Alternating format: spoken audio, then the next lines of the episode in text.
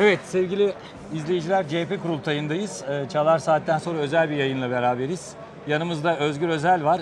Öncelikle Kemal Kılıçdaroğlu'nu karşılayacak ve dolayısıyla da onu erkenden göndermemiz lazım. Evet Tülay. Ee, Sayın Başkan hoş geldiniz. Merhaba, Öncelikle sizler de hoş kurultayınız, geldiniz. e, Hayırlı olsun demek istiyorum ben. Tabii herkesin merakı şimdi e, Genel Başkan Kemal Kılıçdaroğlu bir manifesto açıklayacak. Bu bir iktidar manifestosu olacak bildiğimiz kadarıyla. İçinde neler olacak? Hepiniz hoş geldiniz. Tabii pandemi sürecinde bir e, kurultay yapıyoruz. Bunun farkındayız ama bütün dünya bir şey konuşuyor ve bütün Türkiye konuşuyor. Hiçbir şey eskisi gibi olmayacak diye. Bu salgından önce küreler, e, kıtalar arası gidecek füzeler, onu erken uyarı sistemleri, havada imha edecek füzeler, herkes buna para harcıyordu. Sonra gördük ki gözün görmediği bir virüs, bir mikrop hepimizi öldürüyor. Bu kadar boşuna para harcamaya falan gerek yok. Oysa parayı bu kıtalar arası gidecek virüslere, erken uyarı sistemlerine, buna engel olacak aşılara, ilaçlara harcamak gerekiyor. Çünkü hepimiz gördük ki en fakirimiz ne kadar sağlıklıysa bütün dünya o kadar sağlıklı. Çin'de bir fakir mahallede içilen dört e, yoksul işçinin içtiği bir yarasa çorbası İngiliz Başbakanını hasta edebilene kadar herkes Çin'deki yoksulluktan veya Afrika'daki susuzluktan bir başka yerdeki sağlıksızlıktan şikayetçi değildi. Şimdi artık devletlerin o hep alan ve kendi kullanan, bildiği gibi kullanan sağ eli yerine şefkatli sol elinin güçlenmesine ihtiyaç var. Bütün dünya bunu konuşurken Türkiye'de de Cumhuriyet Halk Partisi yıllardır söylediği aslında aile sigortası diye anlattığı, daha sonra aile destekleri paketi diye söylediği, bütün ailelere, bütün dünyanın da şimdi tartıştığı temel vatandaşlık gelirini hayata geçirebilecek bir anlayışla yola çıkıyor. Ve devletçiliği, altı okundaki en önemli simgelerden biri devletçiliği yeniden ve daha güçlü bir şekilde tarif ediyor. Güçlü sosyal devleti anlatıyor. CHP kurultayları zaten çok eskiden beri önündeki sürece yön veren, hem kendi partisine hem Türkiye'ye yön veren kurultaylar oldu. 66'da çıktı CHP dedi ki biz ortanın solundayız dedi. İşçiyi, işçi haklarını, sendikal hakları tarif etti. Yeni bir demokrasi, yeni bir toplumsal etkileşim tarif etti ve 70'lere damgasını vurdu. 73'te ve 77'de iktidar oldu. Şimdi bütün dünyanın otoriter popülist liderleri aman hiçbir şey eskisi gibi olmayacakmış. Daha çok baskıyı arttıralım. Her alanı kontrol altına alalım derken Türkiye'de de farklı bir şey yaşanmıyor. Baroların üzerindeki baskı, muhalif kanallara peşi sıra gelen cezalar, kapatma cezaları, Sosyal medya şu her anda gün sırada. televizyon, her gün gazetelere uygulanan cezalar ve en nihayetinde bütün gençler ya sen bize sormadan sınavımızı bir ileri bir geri yaptın, kalbimizi kırdın diye ona dislike yaptılar, seni sevmiyoruz dediler diye gençlerin elinden sosyal medyayı almaya kalkan bir anlayış. Z kuşağıyla kavga eden bir anlayış. İşte Instagram'ı, Twitter'ı, TikTok'u kapatmaya varacak düzenlemeler ve bunu buna reaksiyon gösteren gençler. CHP buradan bir ilki daha gerçekleştiriyor. Gençlik kotasını koymuştu yüzde on. Onu yüzde yirmiye Yirmi. çıkarmıştı. Bugün Ama uyulacak mı? Sorun o. eksiksiz uyulacak. Kadın kotasına ve gençlik kotasına eksiksiz uyulacak.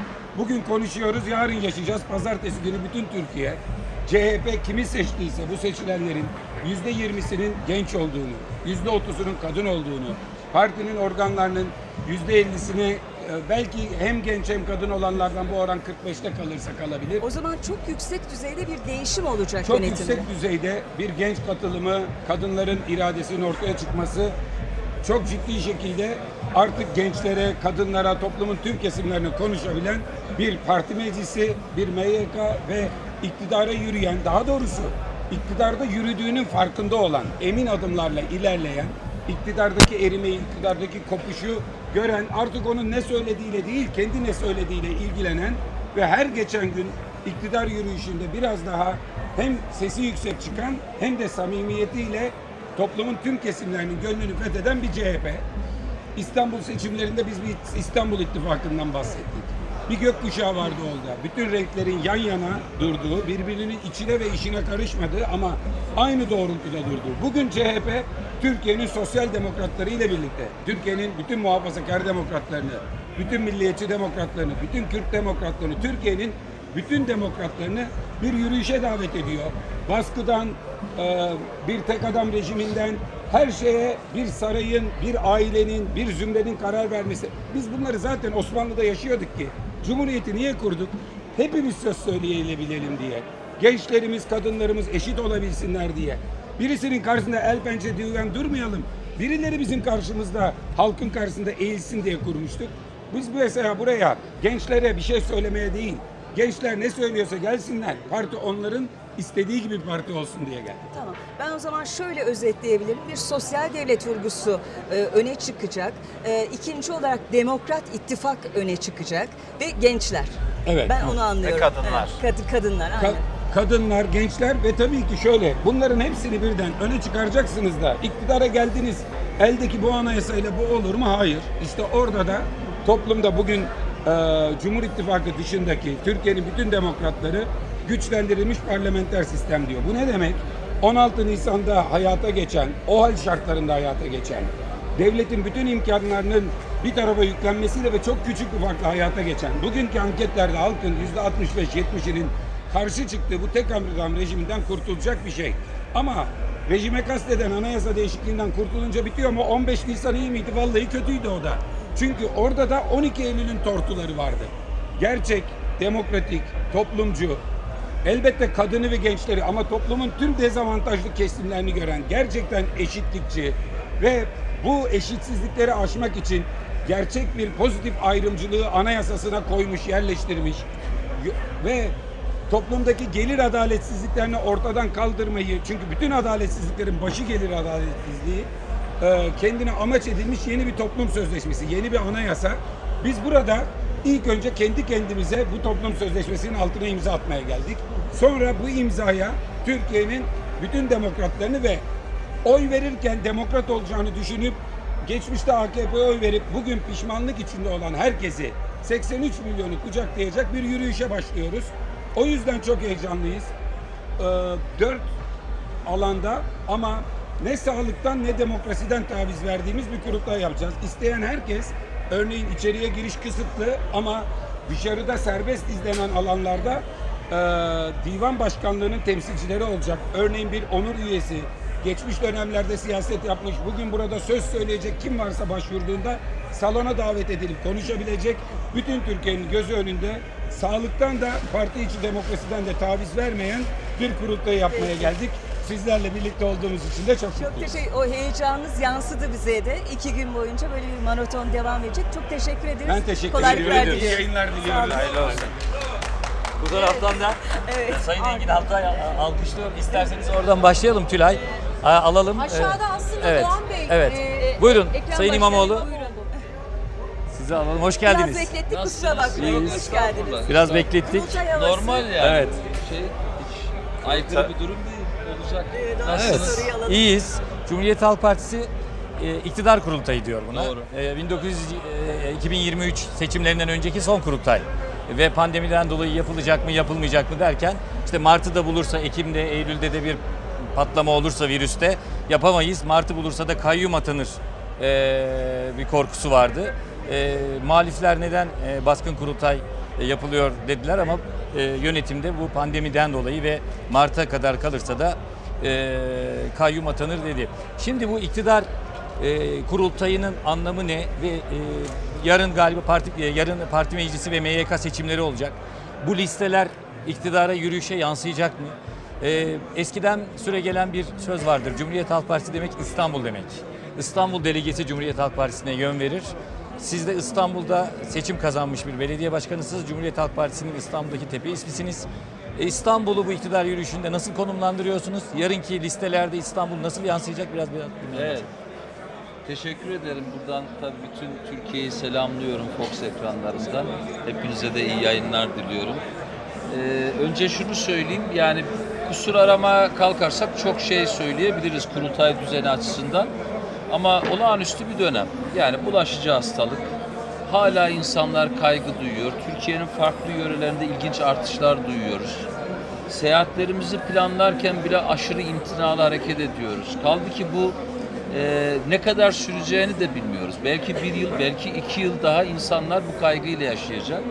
Dolayısıyla bu kurultaya suç bulmak yerine biz bu kurultayı en sağlıklı nasıl geçirebiliriz onun çabası içinde olmalıyız.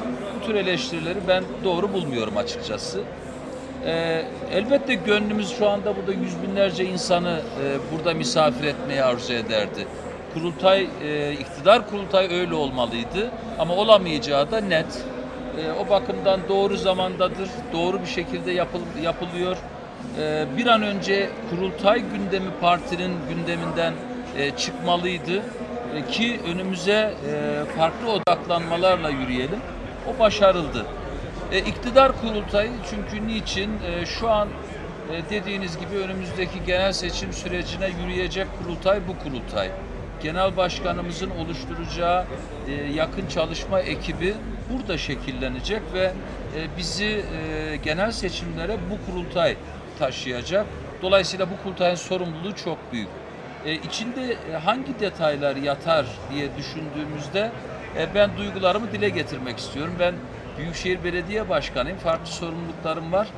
Ama ben aynı zamanda bir kurultay delegesiyim. Dolayısıyla buradan bir açıyla sürece bakmakla kendimi yükümlü buluyorum. E, bu şekilde baktığında da evet e, iktidara yürüyoruz ama psikolojisi var bu sürecin. Yani bu süreç tek başına bir Cumhuriyet Halk Partisi süreci değil. Türkiye'nin şu an mevcut rejiminde e, görülüyor ki hiçbir parti tek başına iktidarı hedefleyemeyecek. E, böylesi bir ortamda ben şöyle bakıyorum. E, tümüyle e, kapsayıcı, e, kucaklayıcı, toplumun her kesimine mesaj verebilen e, ve hiçbir kesimiyle kavgalı olmayan ama kendi ideolojilerinden de asla sapmayan e, sıkı bir e, süreç tarifine ihtiyacı var e, Cumhuriyet Halk Partisi ve her görev alan insanın da e, bu temsiliyet ruhunu bence kendinde hissetmeli ve yaşamalı. Yani denklemde düşünürsek, somutlaştırırsak Millet İttifakı'nda bir denklem var ve bu denkleme yeni aktörler de katıldı gibi. Yani Kesinlikle. kesinleş, henüz kendilerinden bir şey gelmedi ama işte bir Deva Partisi var, bir Gelecek Partisi var ve bu Millet İttifakı bir genişleme sürecinde. Tabii bu Millet İttifakı'nı e, e, mimarı, siyasi mimarlığını yapan Sayın Kılıçdaroğlu da tanıyorum bunu göz önünde alacak ve sizin söylemlerinizde gördüğüm kadarıyla parti meclisi ve MYK'da öyle bir liste çıkacak ki toplumdaki bu mutabakatı da güçlendirecek. Şimdi İstanbul seçimleri bunun anahtarı, kök hücresi. Yani Zaten İstanbul seçimleri İstanbul İttifakı yorumumuz öyle Evet, başlamıştı. bunun kök hücresi. Şimdi bu şunu gösteriyor. E, muhtemel bir erken seçimde veya e, olağan seçimde e, yine bu denklem e, gündeme gelecek ve bu listelerde de bu denge korulursa ki bu dengeyi korumak da aslında kendi içinde bir zorluk teşkil ediyor. Yani bir taraftan e, sosyal demokrat çizgini sürdüreceksiniz çizginizi. Bir taraftan da bu denklemin bütün o top- toplumsal mutabakata ihtiyacı olan e, şeyini, ruhunu o listelere yansıtacaksınız. Siz e, 54 ile İstanbul Büyükşehir Belediyesi Başkanlığı'na seçildiniz ve bunun içerisinde biliyoruz ki e, muhafazakar oylar da e, hatır sayılır bir şekilde oran olarak. Bu yeni İktidar denklem Partisi'nin de oyları var. Evet, iktidar partisinin de oyları var. Bu yeni dönemde kendinizi nasıl konumlandıracaksınız? Şu anda çiçeği burnunda bir belediye başkanısınız ama kabul edelim ki işte önümüzdeki dönemde bütün projeksiyonlar çizilirken herkes işte İmamoğlu'nun ismini de geçiriyor. Muhtemel bir erken seçime nasıl bakıyorsunuz kendiniz açısından veya olağan seçimde kendinizi e, aday olarak konumlandırıyor musunuz? Ne diyorsunuz? Somut olarak insanlar belki bir şey duymak istiyor. Doğan. Bey aslında siz İstanbul'un öneminden başlayarak bir soru sordunuz ve ben tam da oraya e, girmek üzereydim. O da şöyle, e, ben o kadar sorumluyum ki şu anda. Yani e, baktığınızda Türkiye'nin şu anda zaten 40 milyona yakın bir nüfusunu yöneten e, belediyelerimiz var. Dolayısıyla aslında biz iktidar olmanın ve e, Türkiye'yi yönetmenin e, aslında bir provasını yapıyoruz şu anda etkin bir biçimde. Ve bir yılı aşkındır yapıyoruz. Her ne kadar benim görev sürem bir yılın e, civarında e, ise de 15 aydır görev yapan arkadaşlarım da var. Şimdi bu müthiş bir prova. Dolayısıyla e, Türkiye'nin e, bizi ya yapabilirler mi, yönetebilirler mi diye e, farazi bir yoruma ihtiyaçları yok. İstanbul'a bakacaklar, Ankara'ya bakacaklar, İzmir, Adana, Mersin, Hatay hepsine bakacaklar. Şimdi, e, biz bunu 89'da yaşadık. CHP Tabii, belediyeler çok yoğun bir şekilde e, CHP, SHP. kazandı CHP. E, fakat sonra işte İSKİ yolsuzluğu vesaire gibi şeyler yüzünden bu CHP'nin aleyhine döndü. Ta- Şimdi- tehditler var tabii. Şimdi Ve iktidarı kaybettirdi. Tabii bu bu sürecin öyle ve iktidar da hem özelde sizin üzerinizde bir baskı ortamı uyguluyor, açık arıyor, işte onları büyüterek yansıtıyor. Zaman zaman çarpıtmalar oluyor e, vesaire. yükleniyor. Yani öyle bir manzara çıkarmaya çalışıyor. Bu koşullar altında yeni deneyiminiz yani şimdiki belediye deneyiminizin 89'dan farkı ne? Ee, o tuzaklara düşmemek için neler yapıyorsunuz? Ee, yeni yeni kattığınız şeyler ne CHP'yi iktidara götürecek? Yerel üzerinden onu merak Ee, ediyorum. Bir kere şöyle yani önümüzde bir kere bir 89 var. Demek ki bir tecrübe var önümüzde. Yani hani e, bir attan düşen bir süreç var ve biz o süreçte hangi hatalar yapılmışsa e, onları yapmamak zaten sorumluluğumuz. Kaldı ki e, az önce söylediğim gibi bu dönemin ruhu da bir başka.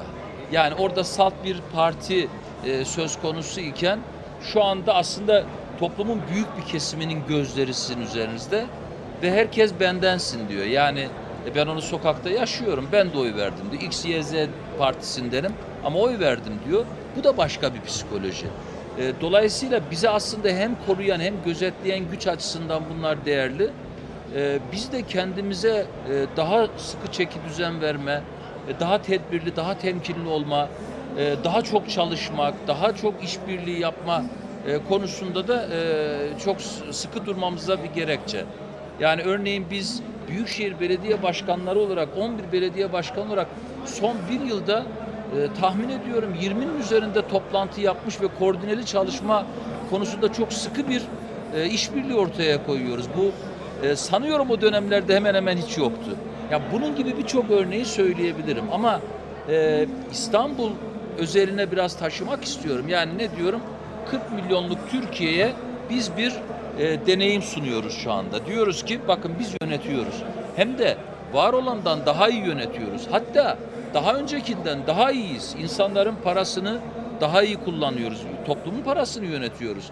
Toplumun ihtiyaçlarını belirlerken herkesi gözetiyoruz. Liyakat diyoruz, ahlak diyoruz, şeffaflık diyoruz, hesap verme diyoruz ve bunları derken lafta bırakmıyoruz, uyguluyoruz. Dolayısıyla biz aslında hem çok sorumluyuz, hem çok dikkatliyiz, hem çok hazırlıklıyız, hem birbirimizi kontrol ediyoruz. Bir arkadaşımızın hatası olduğunda aramaktan çekinmiyoruz. Ya da iyi bir örnek varsa alıp onu uygulamakta hiçbir ego tatmini yok. Hepimiz bu konuda aşırı fedakarız. Peki eliniz kolunuz bağlıyken nasıl yapacaksınız? E- Mesela metroya kredi buldunuz, bir alıcı geldi, alacaktı, üstüne çöktü. Bunlar da bir avantaj. Yani niye avantaj? Ee, bir muhalefet partisinin buna rağmen iş yapıyor olması, yani belediyesinin iş yapıyor olması, aslında toplum şuna bakıyor. Demek ki imkanlarımız ne kadar büyük. Yani bütün bu sıkıştırmaya, bütün bu engel olmaya rağmen marifetli insanlar yönetimdeyse süreç çok olgun işleyebiliyor. Bir ikincisi kötü niyeti görüyor. Bizim insanlarımız vicdanlı insanlar. Yani kötü niyeti gördüğünde e, yani örnek e, basit bir e, adalardaki araç meselesi bambaşka yerlere taşındı. Hani günün sonunda Sayın Cumhurbaşkanı'nın ya da e, Sayın İçişleri Bakanı'nın sürece dahil çözüm üretmeye dönük bir masa kurulduğunda ne kadar hızlı hareket edebildiğimizi de toplum görebiliyor. Bütün bunlar aslında bizim için çok değerli. E, dolayısıyla hani benim baktığım pencere şu, sorumlu bir dönemin içerisindeyiz. Ee, 40 milyona dönük bir yönetim ortaya koyuyoruz. Bunun büyük bir e, oranı İstanbul'da. Yani İstanbul'un bir de etki alanına baktığınızda hani bütün belki nüfus olarak bir yere koyarsınız orantı olarak ama toplumun büyük bir kesiminin gözünün üstünde olduğunu farkındayız. O bakımdan ben kurultay delegesi kaç tane İstanbul'un falan buna bakmaksızın e, ben işime bakan bir belediye Ama o başkanıyım. listenin o ruhu taşımasına bakıyorsunuz. Aa, Şöyle, Yani o- İstanbul'u temsil etsin anlamında değil. Yok Türkiye'nin toplumsal ruhu, mutabakat tabii, ruhu tabii, anlamında tabii. söylüyorum. Yani Ona şöyle bakıyorum. Millet İttifakı'nın ortak payda yapan ve sizin kazanmanızda da etkili bir rol oynayan o ruhun listeye Kesinlikle, yansımasını kesinlikle. e, bir de üzerinizde tabii ağır da bir sorumluluk var. Çünkü dediğiniz gibi İstanbul vitrin yani iktidara taşıyacak olan Cumhuriyet Halk Partisi'nin şey ilk e, ruh aslında İstanbul'dan e, e, test edilecek. Yani bu Ekrem İmamoğlu yönetimindeki İstanbul Büyükşehir Belediyesi yönet iyi yönetilirse sanıyorum daha e, bu avantaj olacak. Ya da sizin oradaki e, tavrınız çok önemli olacak. O yüzden de e, Allah kolaylık versin Sağ diyoruz. olun. Yani üzerinizde ağır bir yük var. E, yükümüz var ama yükümüzü paylaşan başta kendi partimin bütün üyeleri olmak üzere ve gerçekten muazzam bir e, bu dönemin ruhuna sahip çıkan bir genel başkanımız var. Bir şanstır. Yani bugünün ruhunu bu şekilde taşıyan, özveriyle, sağduyuyla, herkesle kucaklaşma arayışını en ön planda tutan bir genel başkanın Cumhuriyet Halk Partisi'nin başında olması sadece Cumhuriyet Halk Partisi için değil, Türkiye için bir şanstır. Diğer ittifak e, kurullarının da bu şekilde bir psikolojiyle liderlik yapmalarına da bence katkı sunuyor. İnşallah bu kurultay e, bu bütünleşen ruha e, katkı sunacaktır. Başarılar diliyorum. Çok teşekkür Ben ederiz. Sağ teşekkür olun. ediyorum. Sağ olun. İyi yayınlar. Engin Bey'i de e, alalım. Evet, e, daha olacak. Cumhuriyet Halk Partisi Grup Başkan Vekili Engin Altay bizimle olacak. Kendisini biraz beklettik. Özür Hoş diliyoruz. geldiniz. Rica ederim. Bu yayın, Siz hoş e, geldiniz Ankara Hoş bulduk Engin Bey. Sağ olun. e, Genel Başkan evden çıktı mı? Bilginiz var mı? Bir 5 dakikaya kadar çıkıyor diye bende bilgi var. 5 Evet, ondan sonra geç. kurultay Evet yoluna sanıyorum girecek. 11'de de e, kürsüde olur. Açışını yapar yani. E, divanı oluşturmak Nasıl üzere. içerisi?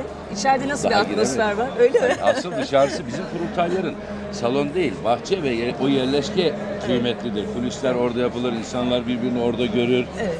Liste tasarımları orada yapılır. Her şey bahçede olur. Şimdi bir kere pandemi kurallarına uyuluyor mu? Süper. O denetleniyor değil mi? Ee, Onu bir buraya gelmeyenler belki yadırgar ama hazırlıklar gerçekten siz de izlemişsinizdir. Olağanüstü profesyonel yapılmış. Öncelikle yetkili, ilgili sorumlu arkadaşları tebrik etmek lazım. İçeride sadece eski kurultayları bilenler bilir. Genel başkanın konuşması esnasında herkes salonda o büyük kapalı spor salonlarında kurultay yaptığımız vakitte salon hınca iş dolu olur. Evet. Genel başkanın konuşması bittikten sonra hepimiz kendimizi zaten bahçeye atar idik. Şimdi de onu yapıyoruz. Yani eski kurultaylardan çok farkı yok. Bu yerleşkede her yer dev ekran, her yer çadır, e, soğutucular Buraya var. kurultay Muhteşem. kent diyorlar. Ee, ya Çok ve, muhteşem e, olmuş. Diğer siyaset- partiler de göreceksiniz bundan Evet. sonra kurultaylarını bu formatta yapacaktır. Yani gelen eleştiriler burayı görmeyen biri bakımından eski kurultaylara e, da düşününce belki ilk başta haklı gibi görülüyor olsa da şimdi inanın e, normal bir kurultay kadar bahçede yerleşkede zaten partilerimiz var. Onun için bu kurultayın biraz temas dışında Evet. hiçbir zorluğu yok. Peki ben ilk soruları bırakayım Evet. size. Şimdi e, Kemal Kılıçdaroğlu'nun kurultaydan önce Cumhuriyet Gazetesi'nde bir yazısı çıktı. Evet. Devletin ekonomideki yerini yeniden tanımlayan ve altı okun devletçilik ilkesini yeniden tanımlayan bir yazıydı. E, ve uzun ve doyurucu da bir yazıydı. Evet. 1929 e, ekonomik buhranından alıp 31'de ve 33'te Mustafa Kemal Atatürk'ün ga- e, meclisteki konuşmalarına dem vurmuş ve 63'te e, Sayın Bülent Ecevit'in rahmetli Bülent Ecevit'in Yön dergisindeki Evet. e, devletin ekonomideki yerini tanımlamasına kadar gitmiş. E, bu ihtiyaç neden e, doğdu? E, özellikle bu pandemi sürecinden sonra gördüğümüz bir e, dünyadaki Evet. bir e, tablo var. Bu tabloyu ayrıntısına girmeyeceğim. Siz de biliyorsunuz. Tabii. Hepimiz burada Hepimiz biliyoruz. E, bu tablo tamam fabrika ayarlarına dönme Cumhuriyet Halk Partisi'nin sosyal demokrat çizgiyi daha net çizgilerle, kalın çizgilerle, kırmızı kalemle çizmesi demek ama bir taraftan da bir taraftan da az önce Sayın İmamoğlu'nun söylediği bir mutabakat görülüyor. Herkes tek başına iktidara gelemiyor. Ee, bir Millet İttifakı var ve genişletilmiş bir renk, denklemi var. İşte bunun içinde e, Gelecek Partisi var, DEVA var. Ee, hem bir taraftan fabrika ayarlarına dönmek hem bir taraftan da e, bu ruhu listelere yansıtmak, işte pazar günkü MYK listesine yansıtmak, PM listesine yansıtmak nasıl olacak? Bu zor bir denklem. Değil, bu partinin tam da ruhu bu. Yalnız fabrika ayarlarında şunu anlarsak doğru olmaz. Yani devletçilikten şimdi toplumda anlaşılan iki türlü, iki farklı bakış var orada. Bir eski Sovyetler mantığı var ki Cumhuriyet Ve günümüze Partisi'nin uyarlaması var. Tabii, ben onu biri olan kastetmiştim. devletçilik zaten o Yeniden değil. tanımlamasını Şimdi bu kurultay vakti zamanında Covid olmadan yapılsaydı ben burada sizle mülakat yaparken şunu derdim. Türkiye'nin sorunu demokrasi kardeşim. Türkiye'nin sorunu ekonomi kardeşim.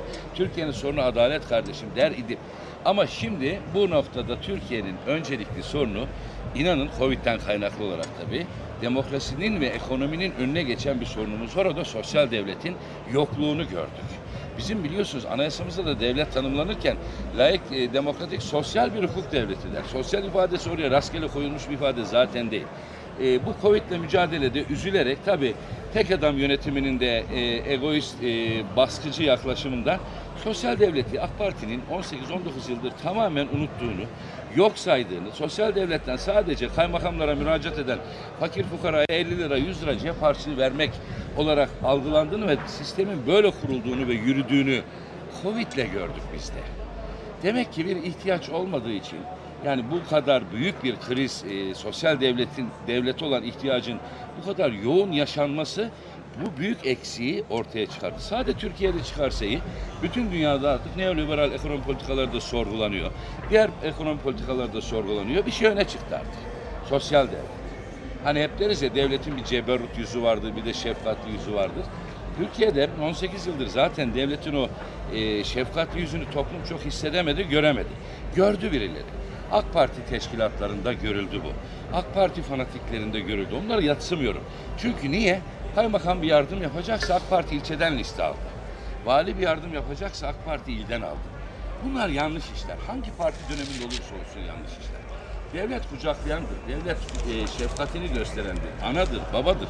Türkiye'de bu kavram Covid ile birlikte yeniden ortaya çıktı. Sayın Genel Başkanımızın Cumhuriyet Gazetesi'nde çıkan o yazısında anlaşılan şu asla olmamalı. CHP katı devletçi e, rolüne, moduna dönüyor.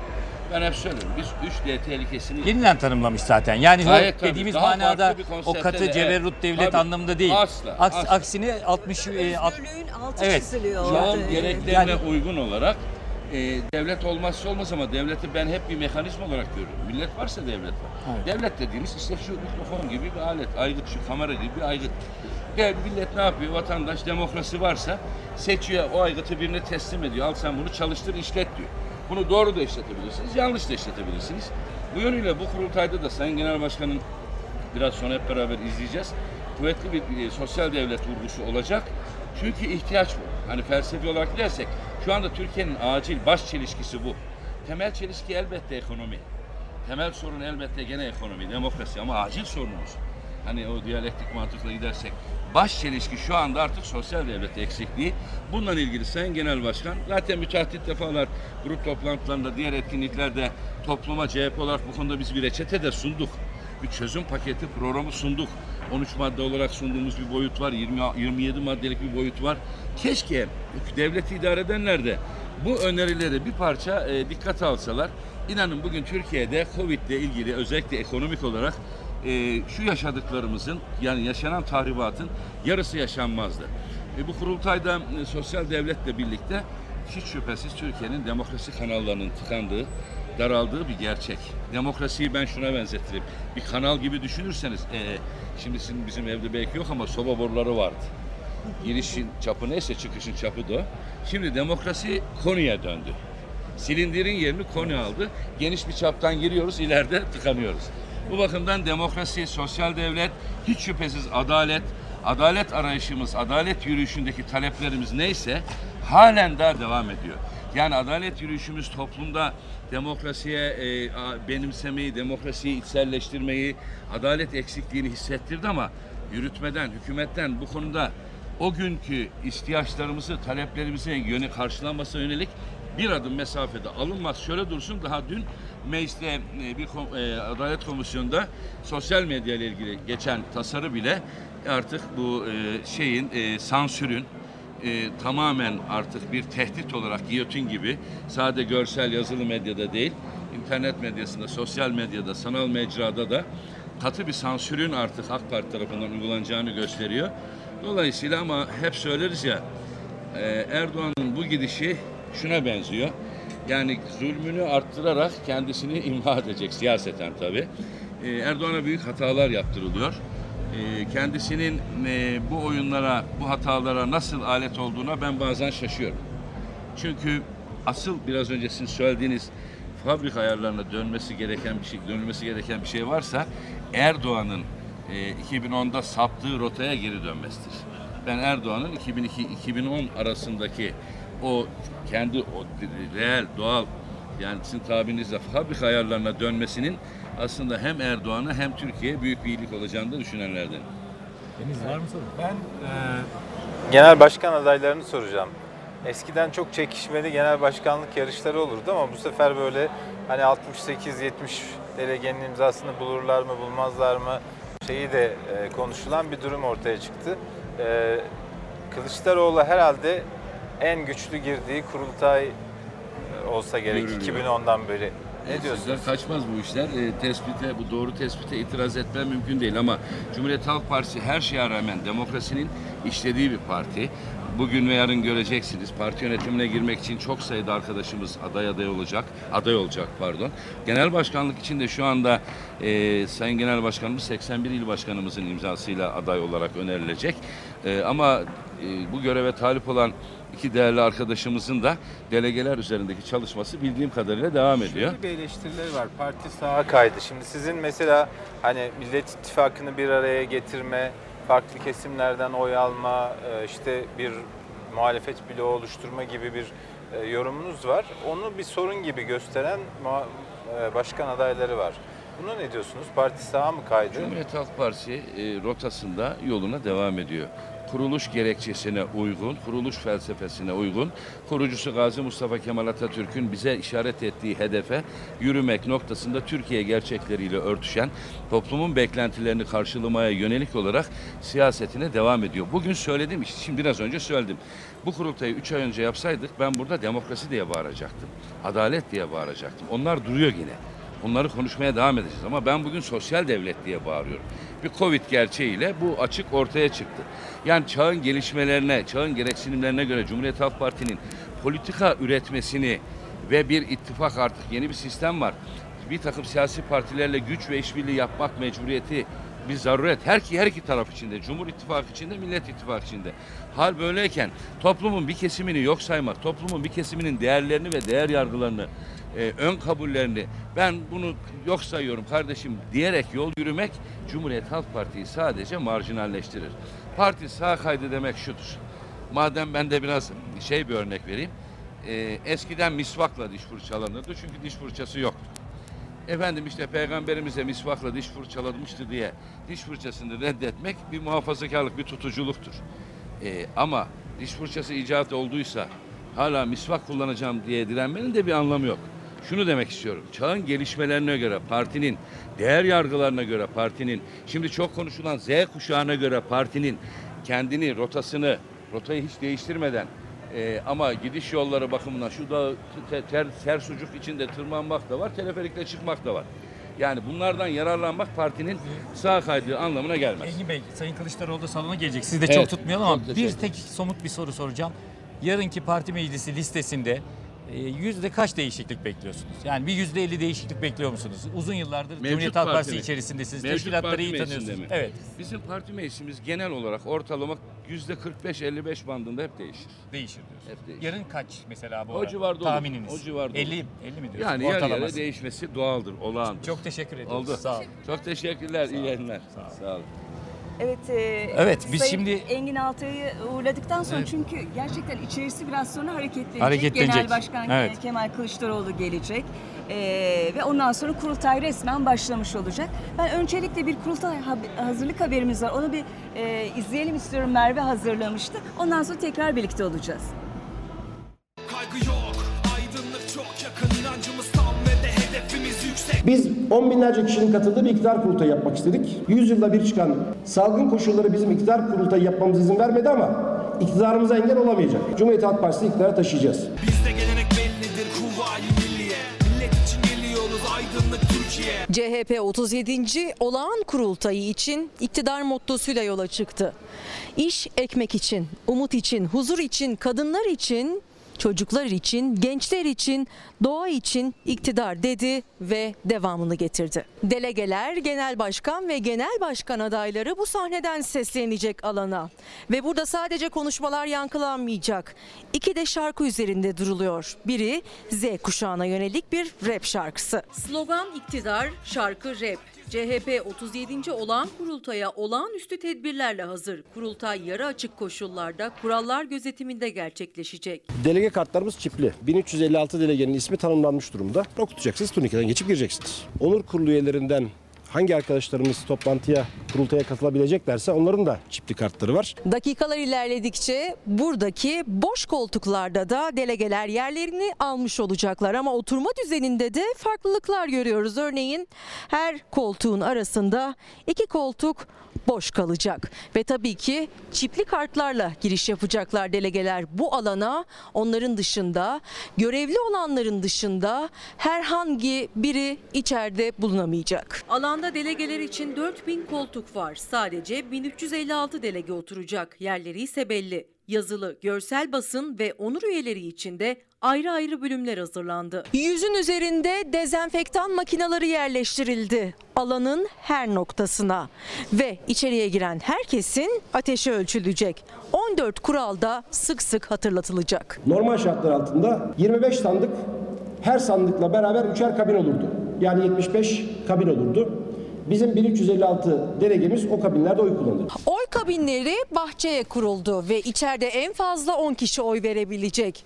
25 olan sandık sayısı bu kurultayda 44'e çıkarıldı. Alanda sadece görevliler ve delegeler bulunacak. İlk gün genel başkan, ikinci günse 60 kişilik parti meclis üyeleriyle seçim tamamlanacak. Topun izinde yürüyoruz iktidara Şafak yok herkes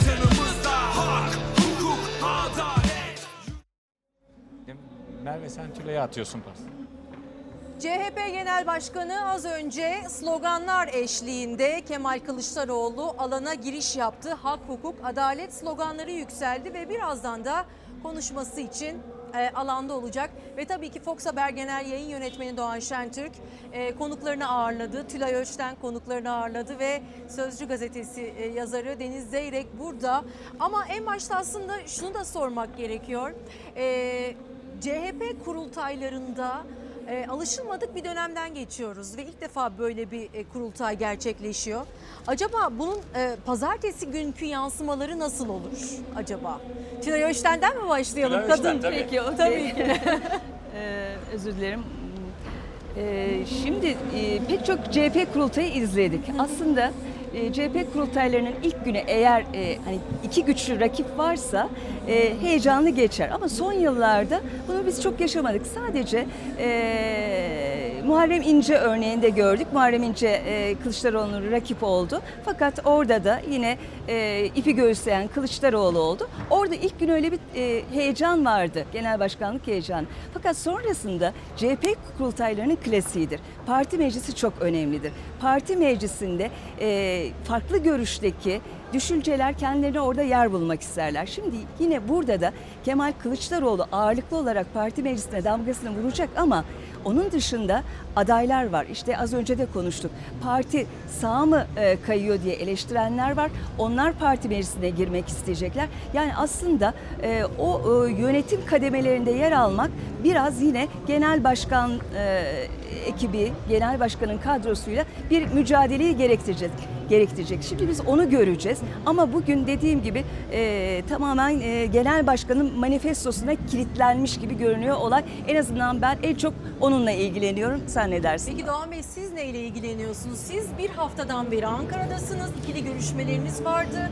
Çok yoğun bir trafik yürüttünüz ama e, özellikle e, önümüzdeki seçim sürecini acaba nasıl etkileyecek ve A takımı belirlenirken acaba seçim sürecinde de o takımda farklılıklar görecek Ben miyiz? salı gününden bir- e, bu yana Tülay'la birlikte liderleri dolaştık, görüştük. E, kendileriyle geleceğe ilişkin sohbetler ettik. E, sorularımızı sorduk, yanıtlarımızı aldık. Merve benim gördüğüm şöyle bir durum var. Bir, e, pandeminin gölgesinde yapılan bir kurultay var. E, fakat bu bir aslında Cumhuriyet Halk Partisi içinde yeni bir fırsat yaratmış durumda. Pandeminin bir öğretisi haline gelmiş durumda. Çünkü dünya artık e, neoliberalizmin ve kapitalizmin gölgede bıraktığı işte az önce konukların da söylediği sosyal politikalar, eğitim politikası, sağlık politikası gibi şeylerin özel sektör tarafından değil de devletle özel sektörün beraberce kenetlenerek çözebileceğini düşünüyor. Yani devletin ekonomideki tanımlanması bütün dünyada olduğu gibi Türkiye'de de önümüzdeki dönemde yeniden yapılacak. Ee, bu e, Cumhuriyet Halk Partisi için çok önemli bir fırsat. Çünkü kendisini sosyal demokrat olarak tanımlayan bir parti ve tam da sosyal demokrasinin e, alanına giriyor bu sosyal politikalar. Yani kapitalizmin, neoliberalizmin e, gölgede bıraktığı alanlar tam da e, Cumhuriyet Halk Partisi'nin Sosyal Demokrat Parti olarak alanına giriyor. Zaten Kemal Kılıçdaroğlu 31 Mart yerel seçimlerinden önce belediyelerini hatırlarsanız şöyle bir belediye başkanlarına şöyle bir e, talimatta bulundu. Ben sizden e, kaldırım, tretuar, yol, e, ot- e, köprüler yapmanızı istemiyorum. Ben işte evde e, hiçbir çocuğun aç yatmasını istemiyorum. Hiçbir çocuğun e, açlıktan Yatağa aç e, girmesini. yatağa aç girmesini istemiyorum. Kalem, defter, silgi parası e, sıkıntısı çekmesini istemiyorum. Ve ailelerin özellikle sosyal e, boyutlarıyla ilgilendi. E, emeklilikle ilgilendi, sağlıkla ilgilendi ve hep e, bu şeyi, yeni paradigmayı böyle e, e, yerel seçim öncesinde koydu. Şimdi e, tabii bunları yapmak için de devletin bir rolü olması gerekiyor. Devletin bir tanımlanması e, gerekiyor. Az önce ben Engin Altay'a e, Cumhuriyet Gazetesi'ndeki Kılıçdaroğlu'nun yazısını sorduğumda a, orada çok önemli başlıklar var. Birincisi Altı Ok'un önemli e, şeyinden bir tanesi, ilkelerinden bir tanesi devletçilik. Fakat devletçiliği de yeniden tanımlamak gerekiyor. İşte 1960'ta Yön dergisine rahmetli Bülent Ecevit'in söylediği ya bizim oradaki amacımız devletin ekonomideki yerini tanımlarken şöyle tanımlıyor. Diyor ki özel sektöre devlet teşekkürlerindeki toplumsal sorumluluğu vermek, devlet teşekkürlerine de e, devletin kurumlarına da devletin bir takım ticari kurumlarına da özel sektördeki rekabetçi ruhu aşılamak. E, tamamen olay bundan ibaret. Şimdi baktığınızda dünyada da iş buraya doğru gidiyor. Neden Almanya'da pandemiyle daha rasyonel mücadele yapıldı? Çünkü Alman sağlık sisteminin baktığınızda önemli bir şeyde devletin büyük bir payı var. İtalya'ya baktığınızda özel sektör hakimiyetinde bir sağlık şeyi var. Ben özel sektör başarısız demiyorum. Bakın Türkiye'de e, sağlık sistemindeki özel girişimlerin pandemiyle mücadelede çok etkisi oldu ve çok da başarılı buluyorum e, bu mücadeleyi. Ama artık e, bu gelir uçurumu, eşitsizliklerden beslenme, gölgede kalan bu sağlık politikaları, eğitim politikalarının bir şekilde devletin de e, taşın altına elini koyarak e, yapması lazım. Nitekim Sağlık Bakanı bundan sonra yapılacak şehir hastanelerinde devletin de e, e, olması gerektiğini işaret etti. Bazılarını da satın aldılar. Bu, bu, bu çok önemli bir işaret. Şimdi yeni bir paradigma ne? Bir, bin- 1900 2023'ten önceki son kurultay. Yani bu kurultayla birlikte seçime girilecek. Şimdi seçim atmosferine baktığınızda e, az önce de söylediğim gibi e, bir millet ittifakı genişlemiş. Şimdi denklemde yeni aktörler e, katılıyor işte Ali Babacan, Davutoğlu. Bu şeye baktığınızda bir burayı böyle bir toplumsal mutabakat yapmanız lazım. Öte taraftan da kendi içinize dönüp fabrika ayarlarınıza yani tırnak içinde söylüyorum böyle ceberrut devlet anlamında değil ama sosyal demokrat ruhu vermeniz lazım. Nedir sosyal demokrat ruh? İşte e, Olof Palme'lerin, Willy Brandt'ların, Felipe Gonzalez'lerin, Bülent Ecevit'lerin bir sosyalist internasyonel ruhu vardı 1970'li yıllarda, 80'li yıllarda. Bu ruha yeniden dönmeyi taban istiyor. İşte Deniz'in sorduğu Cumhuriyet Halk Partisi sağa kayıyor mu? En önemli sorulardan bir tanesi. Sanıyorum Kemal Kılıçdaroğlu bunu gördü. Hem bu pandeminin yarattığı fırsatları hem sosyal demokrasinin yeniden tanımlanması gerektiğini. 59 kurultayında bir paradigma ortaya koydu Cumhuriyet Halk Partisi. İlkeler dedi. Yeni ilkeler belirledi. Ve 60 ihtilali maalesef e, geç bir iktidar getirdi e, buna. Aslında e, sağın bir söylemi var.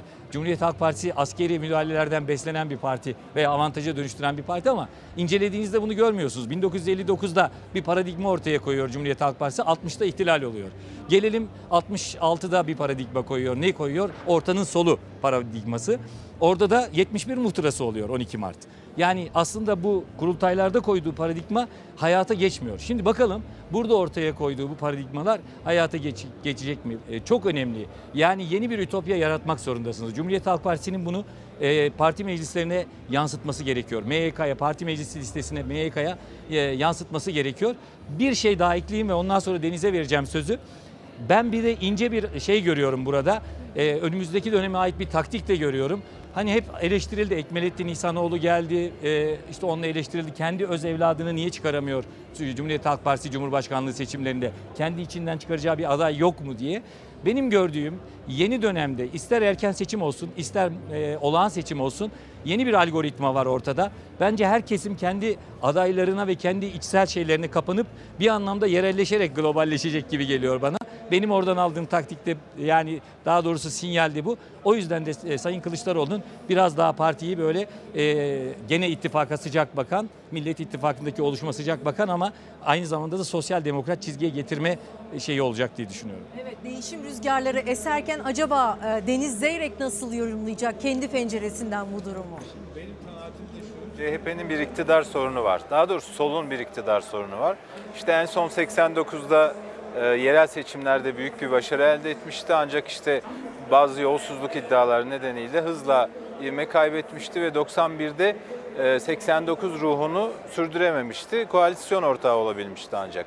E, bunun gibi Ecevit 99'da ee, özellikle PKK terör örgütünün lideri Öcalan yakalanınca bir çıkış yaptı ve bir koalisyonun başında başbakanlık yaptı. O dönemden bu yana sol iktidar yüzü görmedi. e, Kılıçdaroğlu 2010'da CHP'nin başına geldikten sonra böyle bir rüzgar yaratır mı gibi bir e, soru işareti oluştu. Ama e, işte %19'lardan %26'lara taşıdı CHP'nin oyunu. İşte tabii HDP'nin bir parti olarak ortaya çıkması, e, Demokrat Kürtlerin e, biraz kendi partilerinde mücadele etmesi e, CHP içindeki Kürt oylarını da ayırdı ve CHP 26 bandını kıramadı. Ama e, iktidarın yeni sistemi CHP'ye bir fırsat doğurdu. Kılıçdaroğlu'na bir fırsat doğurdu. O fırsatta neydi? Bu ittifaklar. Ve burada biraz siyaset mühendisliği de öne çıktı ve Kılıçdaroğlu e, Erdoğan karşısında konumlanan grupları çok iyi tarif etti. Yani İyi Parti'yi meclise soktu. Tabii yani sağ ya da sol diye değil de demokrat e, tanımı çerçevesinde bir ittifak oluşturmaya çalıştı.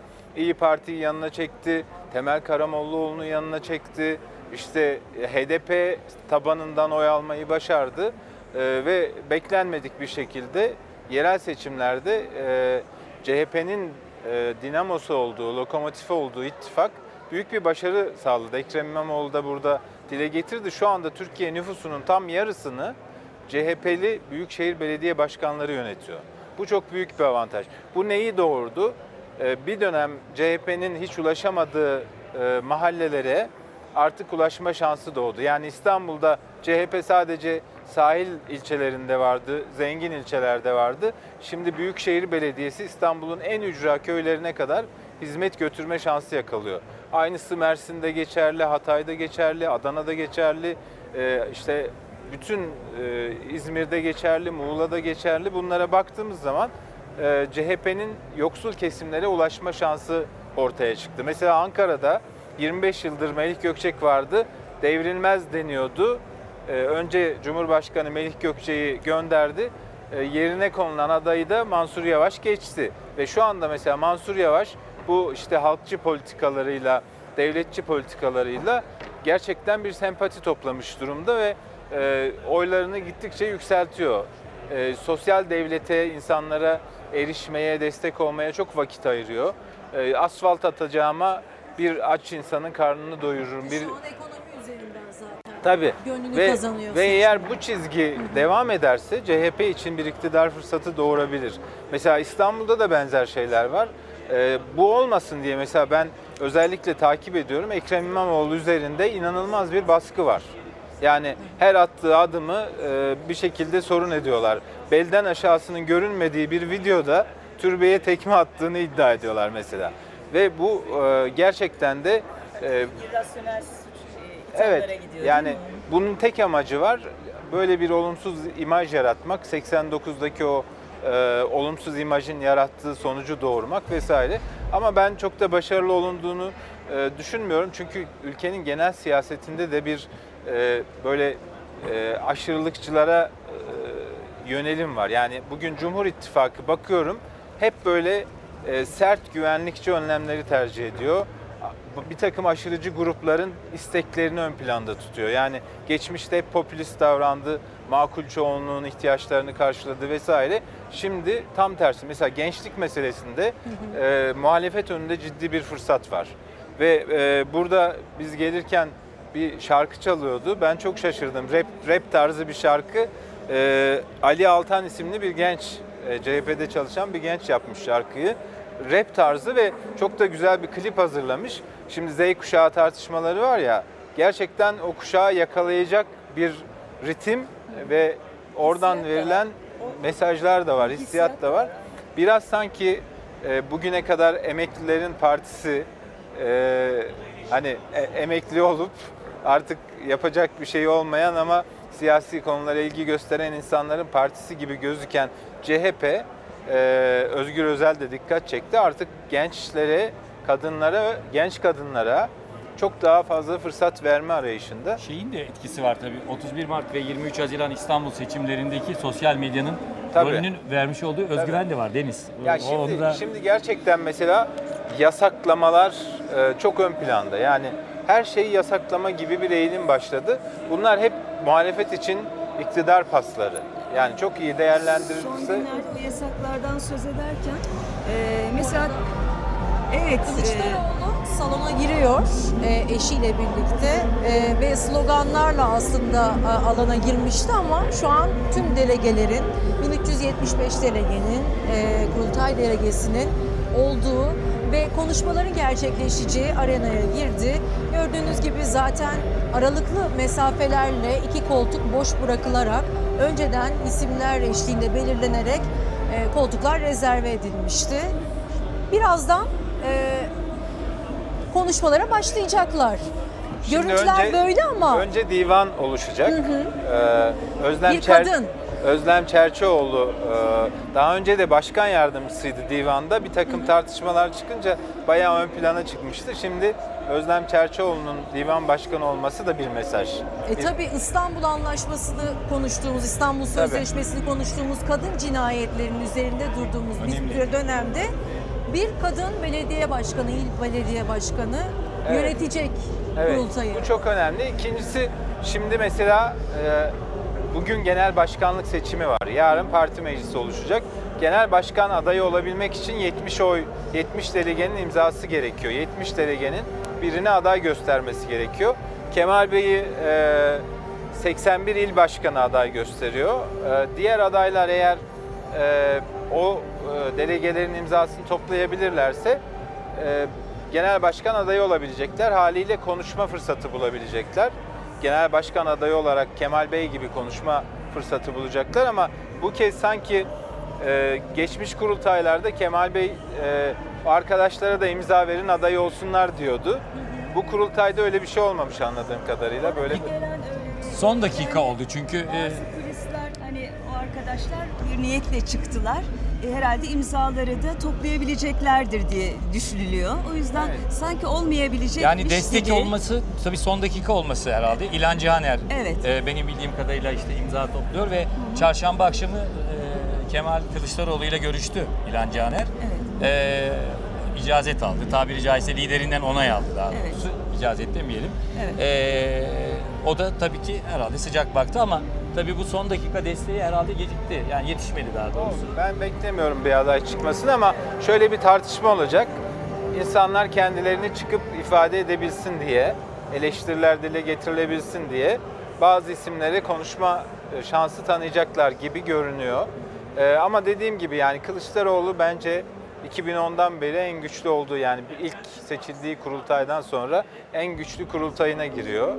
Ee, bu özellikle yerel seç iddialı, Evet. iktidar iddiası çok yani vurgulu bu kurultaydı. Evet, İktidara iktidar- yürüyoruz, iktidara yürüyoruz. Her yerde e, onun afişlerini görüyoruz. İşte kadınlar için, çocuklar için, gençler için, e, bütün toplum için yani bir iktidar vurgusu her yerde e, bu e, salonda ya da bu e, kampüste gözümüze çarpıyor ve onu da çok içselleştirmişler gibi e, bir izlenime kapıldım ben. Normalde şimdi şöyle düşün, e, Refah Partisi e, iki buçuk belediye ile neredeyse iktidara geldi. Yani Konya, sonra İstanbul vesaire 95'te merhum Erbakan başbakan oldu. Şimdi bu kadar 40 milyonu yöneten 11 belediye başkanı var. E, diğer illerde de var işte Bolu'da vesaire de CHP'li başkanlar var. E, şimdi bunun üzerinden gelemezse e, Refah'ın yaptığını yapamazsa bu başarısızlık olur. Yani onun için Kemal Kılıçdaroğlu biraz kendi partisi içinde, biraz muhalefet ittifakı içinde çok büyük bir sorumluluk yüklenmiş. Özgüven de var. Tabii yani işte bu yerel seçimleri alması, işte İyi Parti'yi meclise sokması, Temel Tabii. Karamollaoğlu'nu tabana vermesi. Mesela biz Tülay ile birlikte Merve'nin de az önce söylediği gibi liderleri salıdan bu tarafa dolaşıyoruz. Liderlere sorular soruyoruz.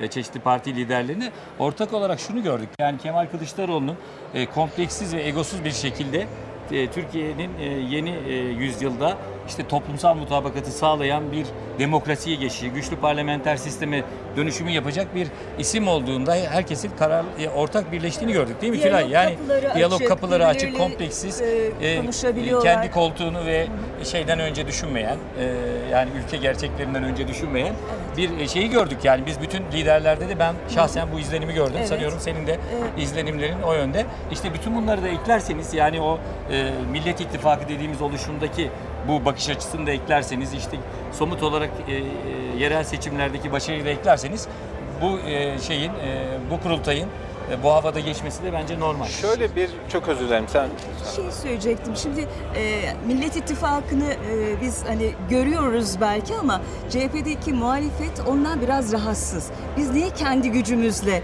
e, iktidarı hedeflemiyoruz diye. Şimdi öyle bir e, muhalefet söylemi Kılıçdaroğlu'nun karşısına çıkacak. Fakat bir de olayların akışı var ya da suyun akışı var. E, onu da görmek Tabii. lazım. Zamanın ruhu diye Ya bu bir şey özellikle e, Aytu Atıcı ile İlhan Cihaner'in kullandığı söylem bu yani. Hem partinin sağa kaydığını hem de hani kendi özgüvenini kaybedip başkalarına muhtaç gibi göründüğünü iddia ediyorlar. Ama şöyle de bir gerçek var. Şu anda e, sistem tamamen değişti. Yani 16 Nisan referandumu ve sonrasında yapılan seçimlerde bambaşka bir sistem var. Ba- Yani başkanlık sistemi var. Tek adam e, yani bir cumhurbaşkanı var, onun kabinesi var. Cumhur İttifakı, yani orada da bir ittifak var Tabii aslında. tabii. Ama ama şimdi e, muhalefette şunu görüyoruz. Bu seçimlerde, ilk seçimlerde e, biz alalım o iktidarı yeni sisteme göre ve hızlı bir şekilde güçlendirilmiş parlamenter sisteme geçelim. Normalleşmeyi sağlayalım. Bu kez bütün partiler kendileri tek başlarına iktidar e, Hedeflesinler. hedeflesinler. Ama şu anda bu sistem içinde tek başına iktidar hiçbir parti, AK Parti için de geçerli değil. Yani şu anda AK Parti mecliste çoğunluğa sahip bir parti değil. Bahçeli de desteğini çeksin, hiçbir şey yapamaz. Yani Hatta öyle, öyle anlar yaşanıyor ki bazı yasa görüşmelerinde e, iktidar bloğu ya da Cumhur İttifakı bloğunun vekilleri daha az sayıda kalabiliyor. O yüzden muhalefet de sık sık yeter sayısı Tabii, arıyor. tabii. Yani o anı yakaladıkları an bir kanun geçmeye de bilir. Yani Cumhur İttifakı için öyle bir risk tabii de yani var. şu anda Tayyip Erdoğan da tek başına iktidarı hedefleyemiyor Bahçeli olmadan. Kılıçdaroğlu da hedefleyemiyor. İyi Parti de diğer partiler de. Bir de beklenti şu. Yani şimdi beklenti iktidar mı?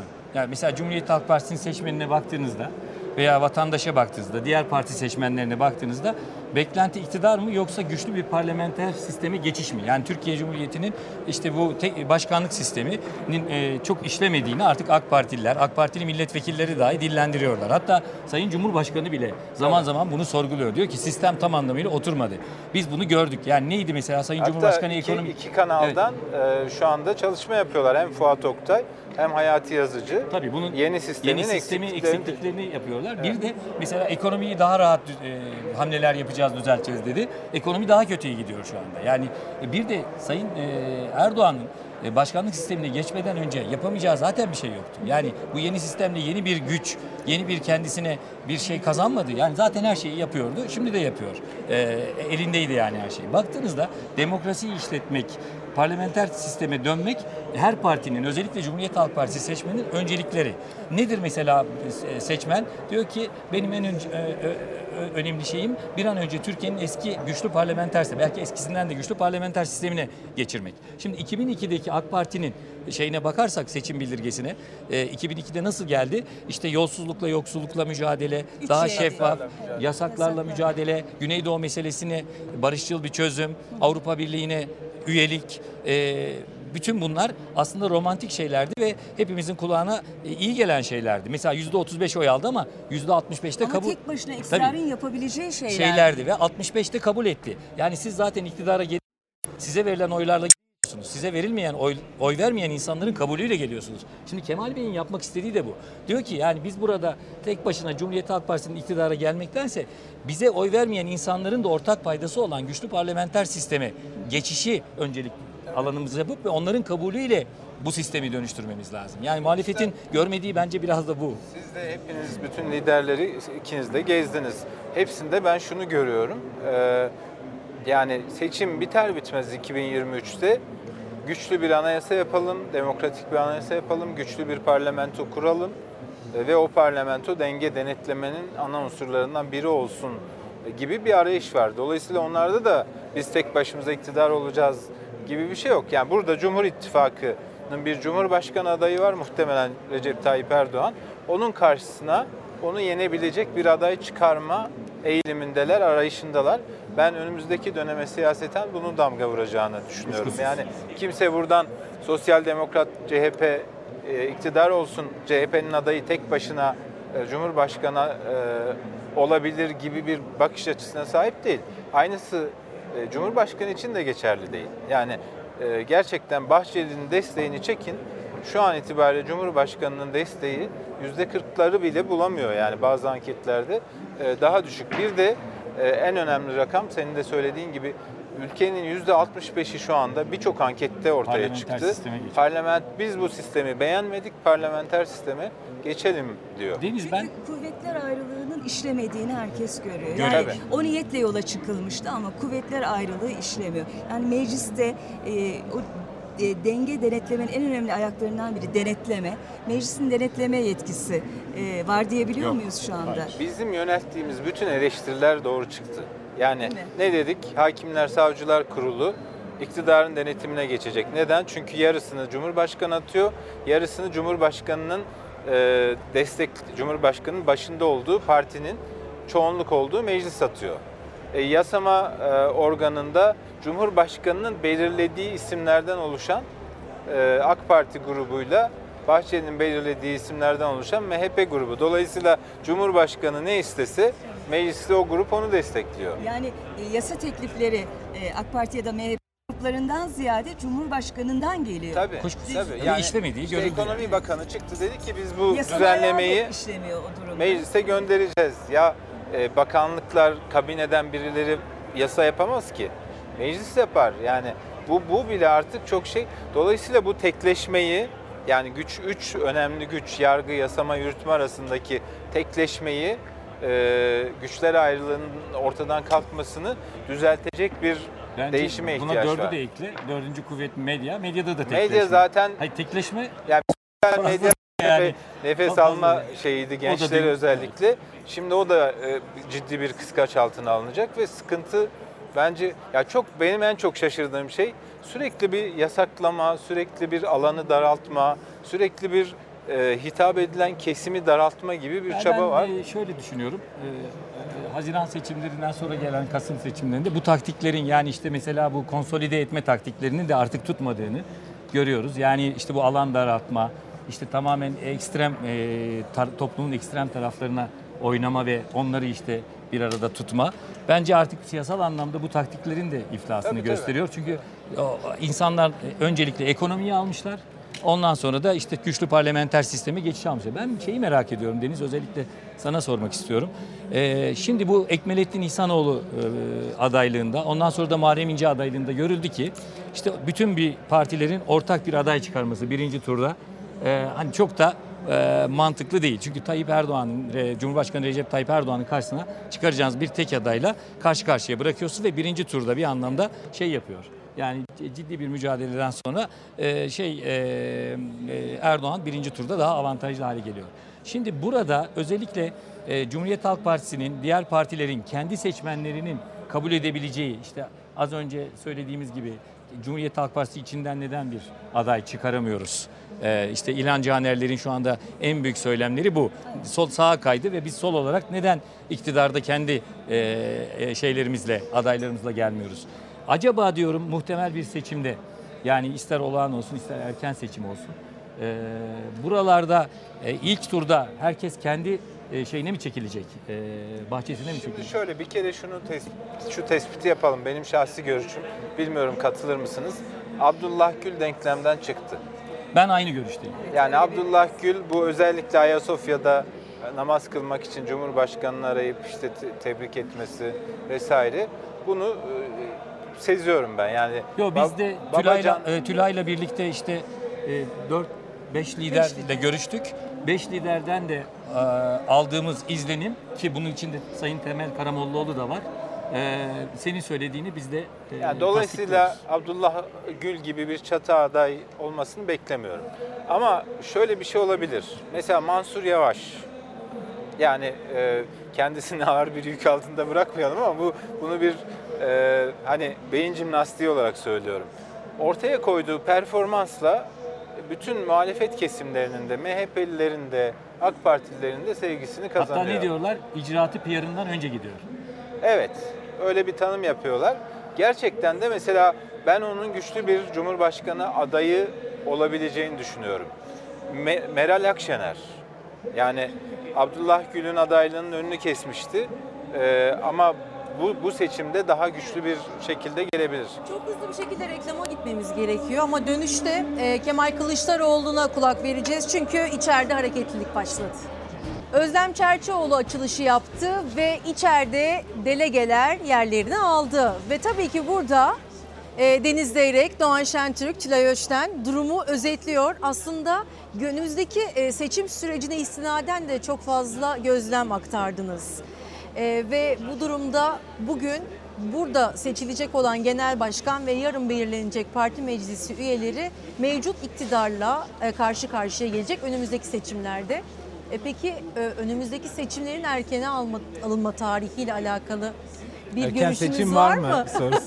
Bu aralar Deniz herkes Bey'e hemen buradan sormak bu aralar istiyorum. herkes değil mi Tülay sana da soruyorlardı. Evet. Erken seçim var mı? Ben e, şahsen beklemiyorum. Yani ekonomik koşullar zorunlu bir seçim Hı hı. ortaya çıkarmazsa ben şahsen erken seçim beklemiyorum.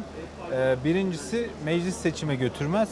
Yani 360 oy bulmak gerekiyor. Muhalefet böyle bir şeye destek vermez. Çünkü meclis seçime götürürse Cumhurbaşkanı'na bir kez daha seçilme hakkı tanıyor. Cumhurbaşkanı da seçime götürmez çünkü şu anda kaybetme ihtimali var. Türkiye'nin ekonomik ve sosyal Evet. koşulları nedeniyle kaybetme ihtimali var. Dolayısıyla ben hani böyle çok mecbur kalmadıkça böyle buhran e, tarzı bir ekonomik kriz vesaire yaşanmadıkça seçimin zamanında yapılacağını düşünüyorum ama burası Türkiye yani e, son seçimde hatırlayın erken seçim yok diye kendileri açıkladı. Yani hem Bahçeli hem Tayyip Erdoğan 3 ay sonra erken seçime gittik.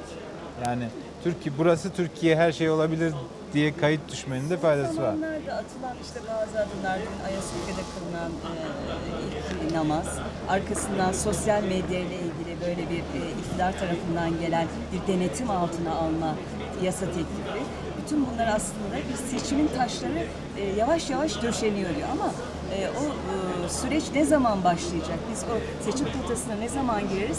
Henüz ufukta öyle bir şey görünmüyor.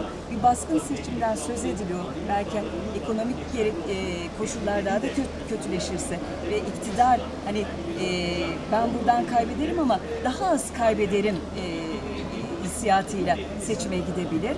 Ama o da şu anda kimse tarafından e, dile getirilmiyor. Rasyonel olan bu. Yani Deniz'in söylediğiyle senin söylediğin Tülay rasyonel olan seçim normal zamanda yapılacak. Ama bir de irasyonel tarafı var iktidarın.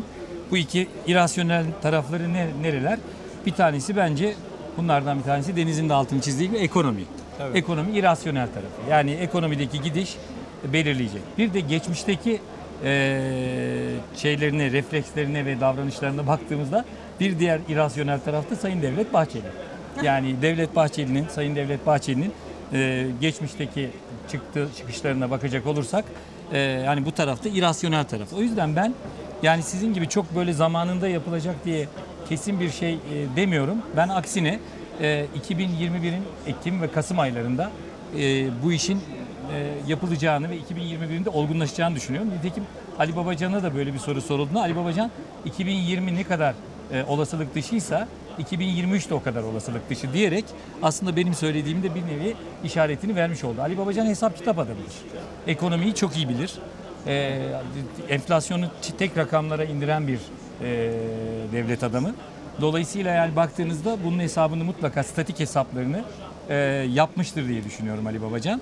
E, ama dediğim gibi yani burada Sayın Devlet Bahçeli'nin de ortaya Yani- koyacağı tavır bence çok önemli. Dese ki ben artık desteklemiyorum, çekilse Tayyip Erdoğan'ın arkasından e, bir seçim ortamı olur ama bugüne kadar hep mi işte Cumhur İttifakı ebediyen sürecek gibi bir e, hava ortaya konuyor. Yani- E, o- Sanki şu anda Cumhur İttifakı'na e, Bahçeli daha böyle sıkı sarılıyor gibi bir izlenim var bende. E, genel e, Evet, şeyde o. yani mesela Çünkü- Cemal, Cemal Engin gibi bir ismin e, ihraç talebiyle e, disipline sevk, Sevk edilmesi. Bu konudaki Ki karar- Cemal Engin Yurt da aslında gerçekleri söyleyen işte Ya hem e, öyle hem e, de ordudaki bu 16 yaşından beri MHP'nin içerisinde MHP içinde tam bir dava adamı. dava yani. adamı bir de bu son dönemde özellikle e, e, işte bazen iktidarın da hoşlanmayacağı şeyleri e, MHP'de dillendiren isim. İşte mesela kendi seçim bölgesi Ordu'daki fındık üreticilerinden tutun da işte top pek çok meseleye kadar çekinmeden cesur bir şekilde e, dillendiren Bahçeli'nin söyleyemediklerini. e tabii mesela son çıkışı işte. Tarım Bakanı'na e, özellikle son mesajlarını bakarsanız e, hani ne iktidar içinde ne, ne MHP içinde, yani Cumhur İttifakı içinde böyle alıştığımız bir şey değildi bu. Tabii Ee, tabii. Sonra mesela Ordu Ordu İl Başkanı'nın çıkıp istifası. onun için O istifa, e, istifa etmesi, MHP tabanının çok güçlü olduğunu gösteriyor. Tabii, yani tabii. Cemal Engin Yurt'un orduda da çok Yani Ordu'dan uzun zamandan sonra çıkan ilk milletvekili MHP Sadece milletvekili. orduyla da sınırlamamak lazım. Belki MHP içindeki bir takım rahatsızlıklar e, Cemal Engin Yurt'un söylemiyle uyuşan rahatsızlıklar aslında. Ama dediğim gibi işte şu anda Devlet Bahçeli e, hani MHP iktidarda değil ama Cumhur İttifakı'nın iktidarı MHP'ye e, son derece e, yarayışlı bir e, konum getirdi. Ama tam tersi de var. bir, e, konum getirdi. yani e, MHP de olmasa Cumhur İttifakı da işte öyle daha doğrusu yani karşılıklı çıkar ilişkisi. Tabii tabii yani AK Parti mecliste çoğunluğu sağlayamıyor. MHP karşı tarafa geçse bir tane yasa çıkaramazlar yani. Ya Onu tabii bir seçimin e, şeyleri algoritması da çok farklı olacak. Yani şimdi bu seçim bana göre biraz öngörülemez ve e, kestirilebilirliği zor da bir seçim. Yani hem Millet İttifakı açısından hem Cumhur İttifakı açısından. Çünkü e, akış olayların akışı öyle bir yere götürüyor ki yani biz işte yeni yıla girdiğimizde mesela önümüzde iki ay var. Herkes Covid'in e, patlamasını e, öngörüyor. Yeni Diyor ki dalga yeni bir dalga geliyor. Şimdi bu yeni dalga inşallah gelmez. Ee, Türkiye bunu bu böyle atlatmış olur. Ee, ve çünkü her şey etkilenecek. Dünya için de geçerli bu temennim, Türkiye için de geçerli. Ee, mesela bunun geldiğini varsayalım. Ee, başka bir şey konuşacağız. Yani başka bir düzlemde konuşacağız. Hem ekonomiyi başka bir düzlemde konuşacağız. Hem politikayı Sosyal başka hayatı. sosyal hayatı başka bir düzlemde konuşacağız. Yani algoritmalar mesela şu an iktidar partisinin e, bu özellikle yerel seçimlerde kay- kaybetmesine neden olan bir HDP var. Bir Kürt seçmen var. Yani bu %12'lerde, %13'lerde bir seçmen var. Şimdi iktidarın acaba önümüzdeki bir oyun kurmada e, HDP'ye nasıl bakacak? HDP hala diyalogların olduğunu işte Deniz'de sen de Ankara gazetecisi olarak biliyorsunuz. Yani bir yandan da bir arka kapı diplomasisi işliyor. E, burada şimdi Cumhur İttifakı'nın bir parçası olan MHP'yi de ilgilendiren bir olay var. Şimdi MHP bir taraftan bakıyorsunuz anketlerde hani gelen sonuçlara göre eğer bir oy kaybediyorsa veya ne bileyim iktidar partisi oy kaybediyorsa o zaman başka türlü bir oyun düzeni de Erdoğan geçebilir. Bu geçmişte de oldu. Bunu gördük. Yani denklemin içine birilerini alıyor. Yani Yani Ankara'nın aslında bir görünen yüzü var, bir de görünmeyen yüzü var. evet aynen öyle. Kemal Kılıçdaroğlu şu anda konuşmasını yapmak üzere e, sahneye çıkıyor. E, biz de zaten bu konuşmaların ardından da sizin yorumunuza özellikle kulak vermemiz gerekecek. Bakalım nasıl mesajlar verecek.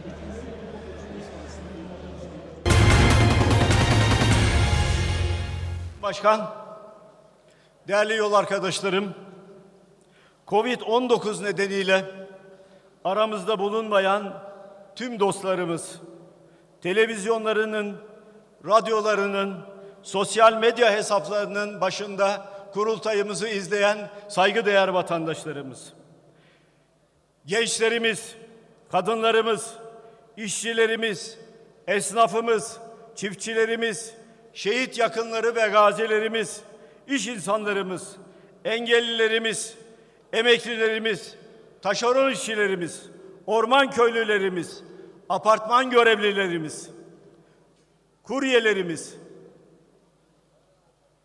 ve güvenlik güçlerimiz, tüm sağlık çalışanları 800 haftadır çocuklarını, evlatlarını arayan cumartesi anneleri. 37. kurultayımızdan hepinize en içten selamlarımı, saygılarımı ve muhabbetlerimi gönderiyorum. Bütün vatandaşlarımı kucaklıyor, hepsinin sorunlarına çözüm üreteceğimizi buradan açıkça Türkiye'de, dünyaya da ilan ediyorum. Değerli yol arkadaşlarım, bu kurultay Türkiye Büyük Millet Meclisi'nin açılışının 100. yılında yaptığımız bir kurultaydır. Tarihi bir kurultaydır. 100 yılı geride bırakan ve önümüzdeki yüzyıla açılan bir kurultaydır. Bu kurultay bizi Türkiye Cumhuriyeti kuruluşunun 100. yılına yani 2023'e taşıyacak olan kurultaydır. Bu kurultay 2023'te Cumhuriyeti demokrasiyle taşlandırma azim ve kararlılığımızı gösterecek olan kurultaydır. Değerli arkadaşlarım, bu iktidar kurultayının 10 binlerin katıldığı bir ortamda yapılmasını elbette ki çok arzu ederdik. Ama Covid-19 süreci böyle bir kurultay yapmamıza izin vermedi. Ama yürekten inanıyorum. 10 binlerin, yüz binlerin, milyonların gözü, kulağı, aklı ve yüreği bu kurultaydadır. Onlar şu anda bizi izliyorlar. Bu kurultay sadece sevgili vatandaşlarımızın değil, Orta Doğu'dan Avrupa'ya, Avrupa'dan Afrika'ya, Afrika'dan Amerika'ya, Amerika'dan Rusya'ya, Rusya'dan Uzak Asya'ya kadar tüm dünyanın gözünün, kulağının olduğu bir kurultaydır. Çünkü bu kurultay sosyal, kültürel, siyasal ve ekonomik buhrandan ve ekonomik buhrandan nasıl çıkacağımızı anlatacağımız kurultaydır. İnanıyorum ki bu çıkış yolu tüm dünyaya örnek olacaktır. Yüz yıl önce Gazi Mustafa Kemal Atatürk nasıl ki Milli Kurtuluş Savaşı'nı verirken bütün mazlum ül- ülkelere örnek olduysa bizim de böyle bir süreci hayata geçirerek dünyaya örnek olmamız gerekiyor. Bu kurultayda alacağımız her kararın yankısının yüksek olacağını biliyoruz. Değerli yol arkadaşlarım, bu kurultay özetlemek gerekirse alçak gönüllü bir uygarlığın inşasına çağrı kurultayıdır. Hep birlikte alçak gönüllü bir uygarlığı inşa edeceğiz. Tarihin bize yüklediği sorumluluk budur. Bu kurultay işsizliği, bu kurultay yoksulluğu, bu kurultay adaletsizliği, bu kurultay liyakatsizliği, bu kurultay kayırmacılığı ve bu kurultay umutsuzluğu nasıl ortadan kaldıracağımızı açıklayan bir kurultaydır. Değerli arkadaşlarım ve bizleri dikkatle dinleyen sevgili vatandaşlarım, Türkiye Cumhuriyet tarihinin en ağır bunalımını, buhranını yaşıyor. Bir daha ifade edeyim. Abarttığımı hiç kimse sanmasın.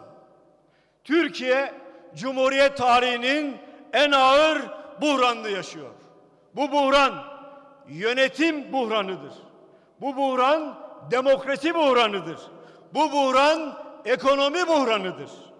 Bu buhran toplumsal ve kişisel sağlığımızı, birliğimizi ve beraberliğimizi derinden dinamitleyen bir buhrandır.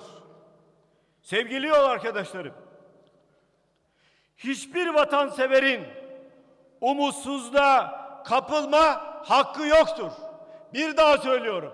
Bu kadar ağır bir buhranın içinden geçiyorsak hiçbir vatanseverin özellikle de hiçbir Cumhuriyet Halk Partilinin umutsuzluğa kapılma hakkı da yoktur, yetkisi de yoktur.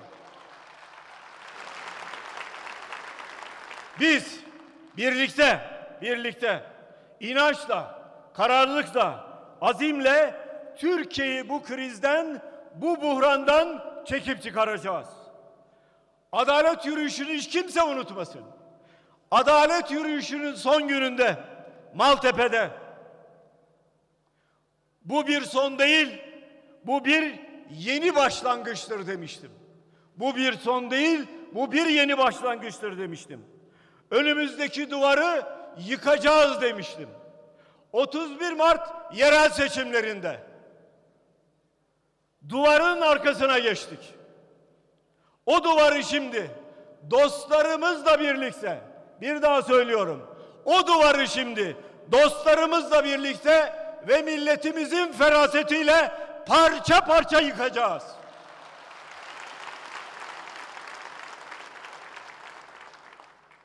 Sevgili arkadaşlarım, saygıdeğer vatandaşlarım, ikinci yüzyıla çağrı beyannamesini hazırladık. Az önce genel başkanlarımız sizlere hitap ederken bir dönüşümden, bir değişimden, projeden, ilkelerden söz ettiler. Evet, birinci yüzyılı madem ki bitirdik, madem ki birinci yüzyılın içindeyiz, ikinci yüzyıla bir çağrı beyannamesi hazırlamak zorundayız. İkinci yüzyıla hazırlanmak zorundayız. Millet olarak hazırlanmak zorundayız. İkinci yüzyıla çağrı beyannamesi adını verdiğimiz çözüm önerilerimizi sunmadan önce, değerli delegelerimize sunmadan önce Türkiye'nin önündeki beş temel sorundan kısaca söz etmek isterim. Neden buhran diyoruz? Neden çözüm beyannamesi? Neden ikinci yüzyıla hazırlık? İçinde yaşadığımız beş temel sorun elimizi kolumuzu adeta bağlıyor. Buradan çıkacağız. Birinci sorunumuz demokrasi sorunu. Yasama, yargı ve medya bir kişinin vesayeti altındadır. Üzülerek ifade ediyorum. 21. yüzyılın Türkiye'sinde yasama, yargı ve medya bir kişinin vesayeti altındadır. Demokrasi sadece kağıt üzerinde kalan bir sözcük haline gelmiştir. Öyle bir noktadayız ki saray ne diyorsa yargı onu yapıyor. Egemen güçler ne diyorsa sarayda onu yapıyor. İlliyet bağına bakınız lütfen. Bir daha ifade edeyim illiyet bayanı. Saray ne diyorsa yargı aynısını yapıyor. Egemen güçler ne diyorsa saray aynısını yapıyor. Örneğin saray talimat veriyor. Osman Kavala içeride kalacak. Yargı gereğini yapıyor. Örneğin Selahattin Demirtaş içeride kalacak. Hapse atacaksınız. Beraat mi? Boş verin onu. Üst mahkeme, alt mahkeme. Boş verin onu. İçeride kalacak. Gereği yapılıyor. İçeride kalıyor. Cezaevlerinde onlarca gazeteci var. Buradan cezaevinde olup kalemini satmayan, özgürce gazetecilik yapan bütün gazetecilere selamlarımızı, saygılarımızı gönderiyoruz. Saray talimat veriyor, yargı gereğini yapıyor. Ama egemen güçler ta- talimat verince saray da onların gereğini yapıyor. Örnek, unutuyoruz. Çok sık unutuyoruz. Unutmayacağız, asla unutmayacağız. Trump saraya talimat verdi. Rahip Branson'ı derhal serbest bıraktılar. Mahkeme falan hepsi hikaye. Egemen güçlerin talimatıyla, içeride de sarayın talimatıyla yargı gereğini yapıyor. Saray talimat veriyor, özgür medya ve sosyal medya susturuluyor. Ayrıca 20 Temmuz sivil darbe sürecinde o süreci yaşıyoruz şu anda. Türkiye Büyük Millet Meclisi'nin yetkileri kısıtlanmıştır. Denge ve denetleme mekanizmaları adeta felç edilmiştir. Meclisin bütçe hakkı ve yetkisi fiilen elinden alınmıştır. Böyle bir ortamda demokrasiden söz etmek mümkün değildir. İkinci sorunumuz ekonomi. Bütün vatandaşlarıma sesleniyorum. Mutfağınızda yangın var mı? Var. Sizin veya komşunuzun veya akrabanızın veya bir dostunuzun çocukları işsizse 18 yıldır Türkiye'yi bu noktaya getirenleri sorgulamak zorundasınız. Demokrasi istiyorsanız, hak istiyorsanız, hukuk istiyorsanız sorgulamak zorundasınız. Türkiye Cumhuriyeti'nin ekonomik bağımsızlığı tehlike altındadır. Bir daha söylüyorum. Mısır'daki Sağır Sultan da duysun. Türkiye Cumhuriyeti Devleti'nin ekonomik bağımsızlığı tehlike altındadır. Diyeceksiniz ki nasıl tehlike altında? Her gün güzel hikayeler anlatıyorlar.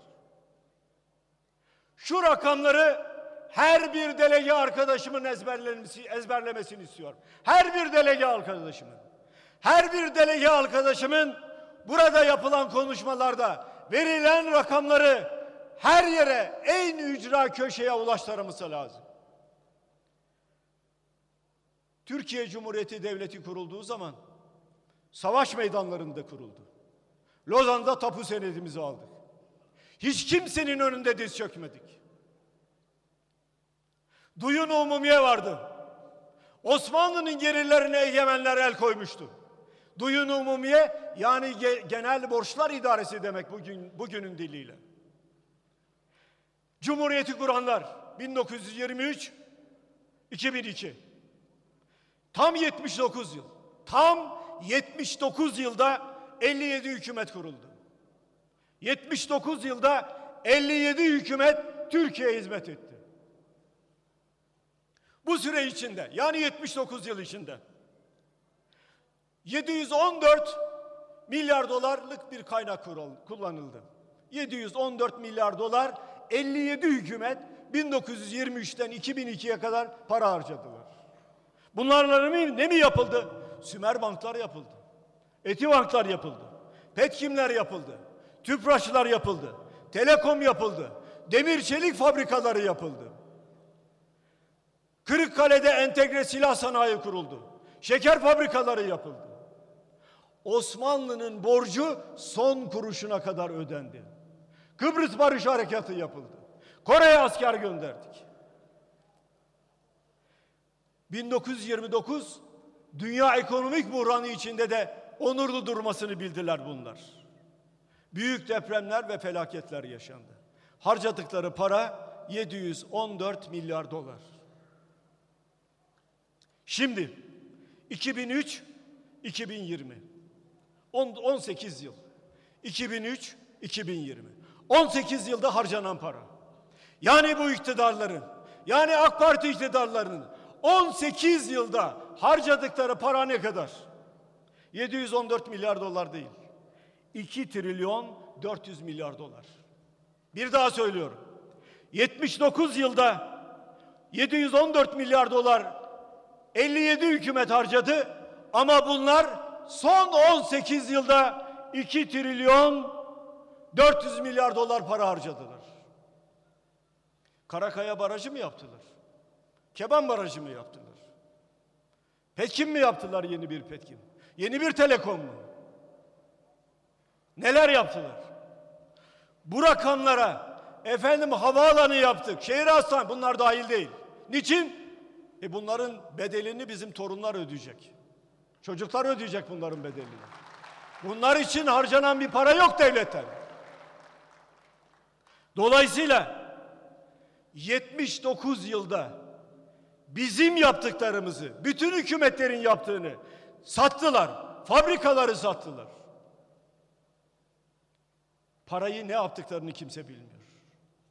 En önemli tesisleri sattılar. Parayı ne yaptıklarını kimse bilmiyor. Topraklarımızı sattılar, vatan toprağını sattılar. 250 bin dolara istediğiniz yerden istediğiniz daireyi alabiliyorsunuz. Değerli arkadaşlarım, bunu özellikle bizi dinleyen bütün vatandaşlarıma ifade etmek istiyorum. Elinizi vicdanınıza koyun.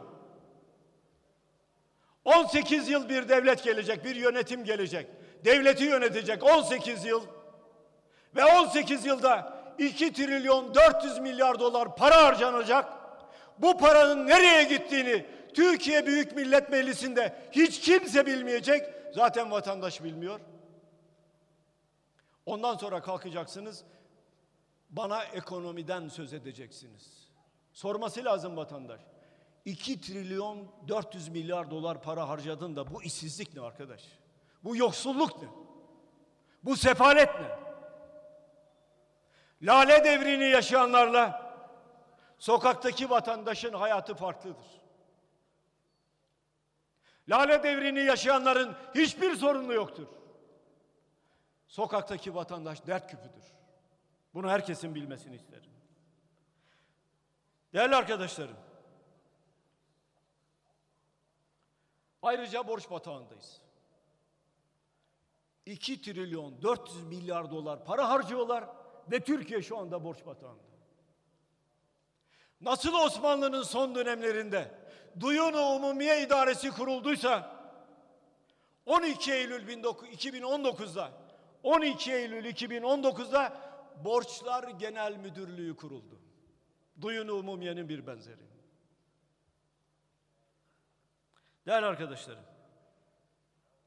Ayrıca bunlar olsa hadi çözelim diyelim. Hadi sabredelim diyelim. Ayrıca Londra'daki bir avuç tefeciye 83 milyonu çalışır hale getirdiler. 83 milyon vatandaş Londra'daki bir avuç tefeciye çalışıyor. Dün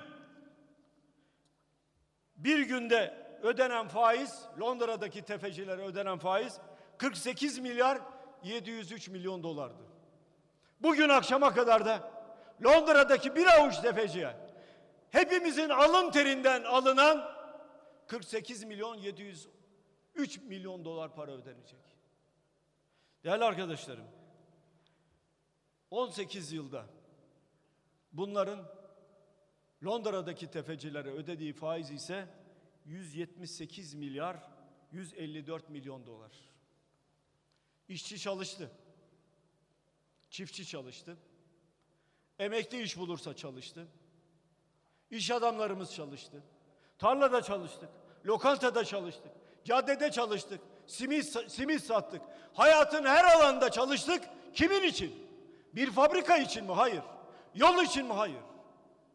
Londra'daki bir avuç çeteye hizmet etmek için.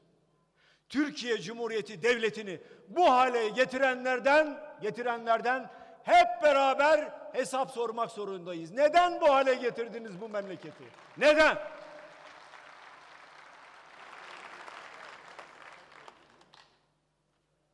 Üçüncü büyük sorunumuz dış politika.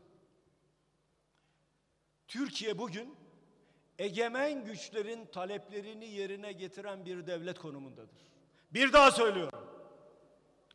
Türkiye şu anda egemen güçlerin taleplerini yerine getiren bir devlet konumuna düşürülmüştür. Ekonomide bağımsızlığını, siyasette bağımsızlığını büyük ölçüde kaybetmiştir. Şunu hiç kimse unutmasın.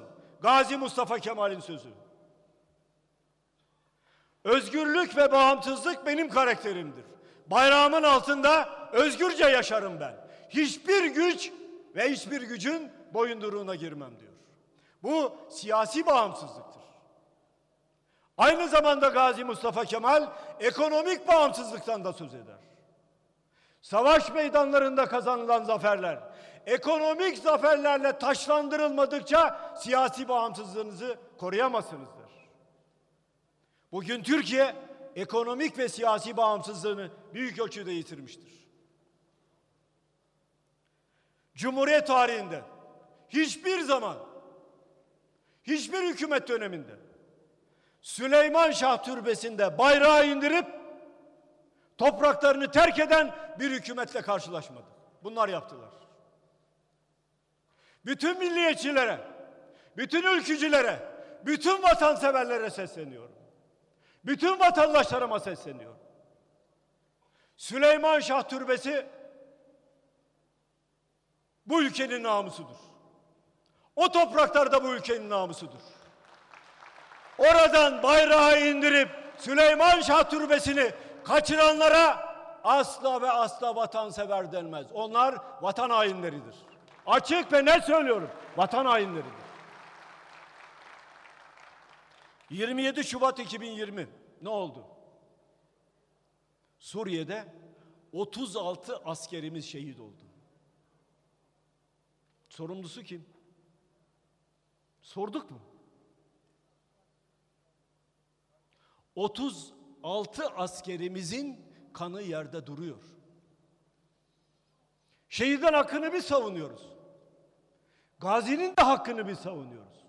Şehit yakınlarının da hakkını biz savunuyoruz. Kendi toprağını terk edeceksin. Başkalarına bırakacaksın. Şehitlerimiz olacak, şehide sahip çıkamayacaksın.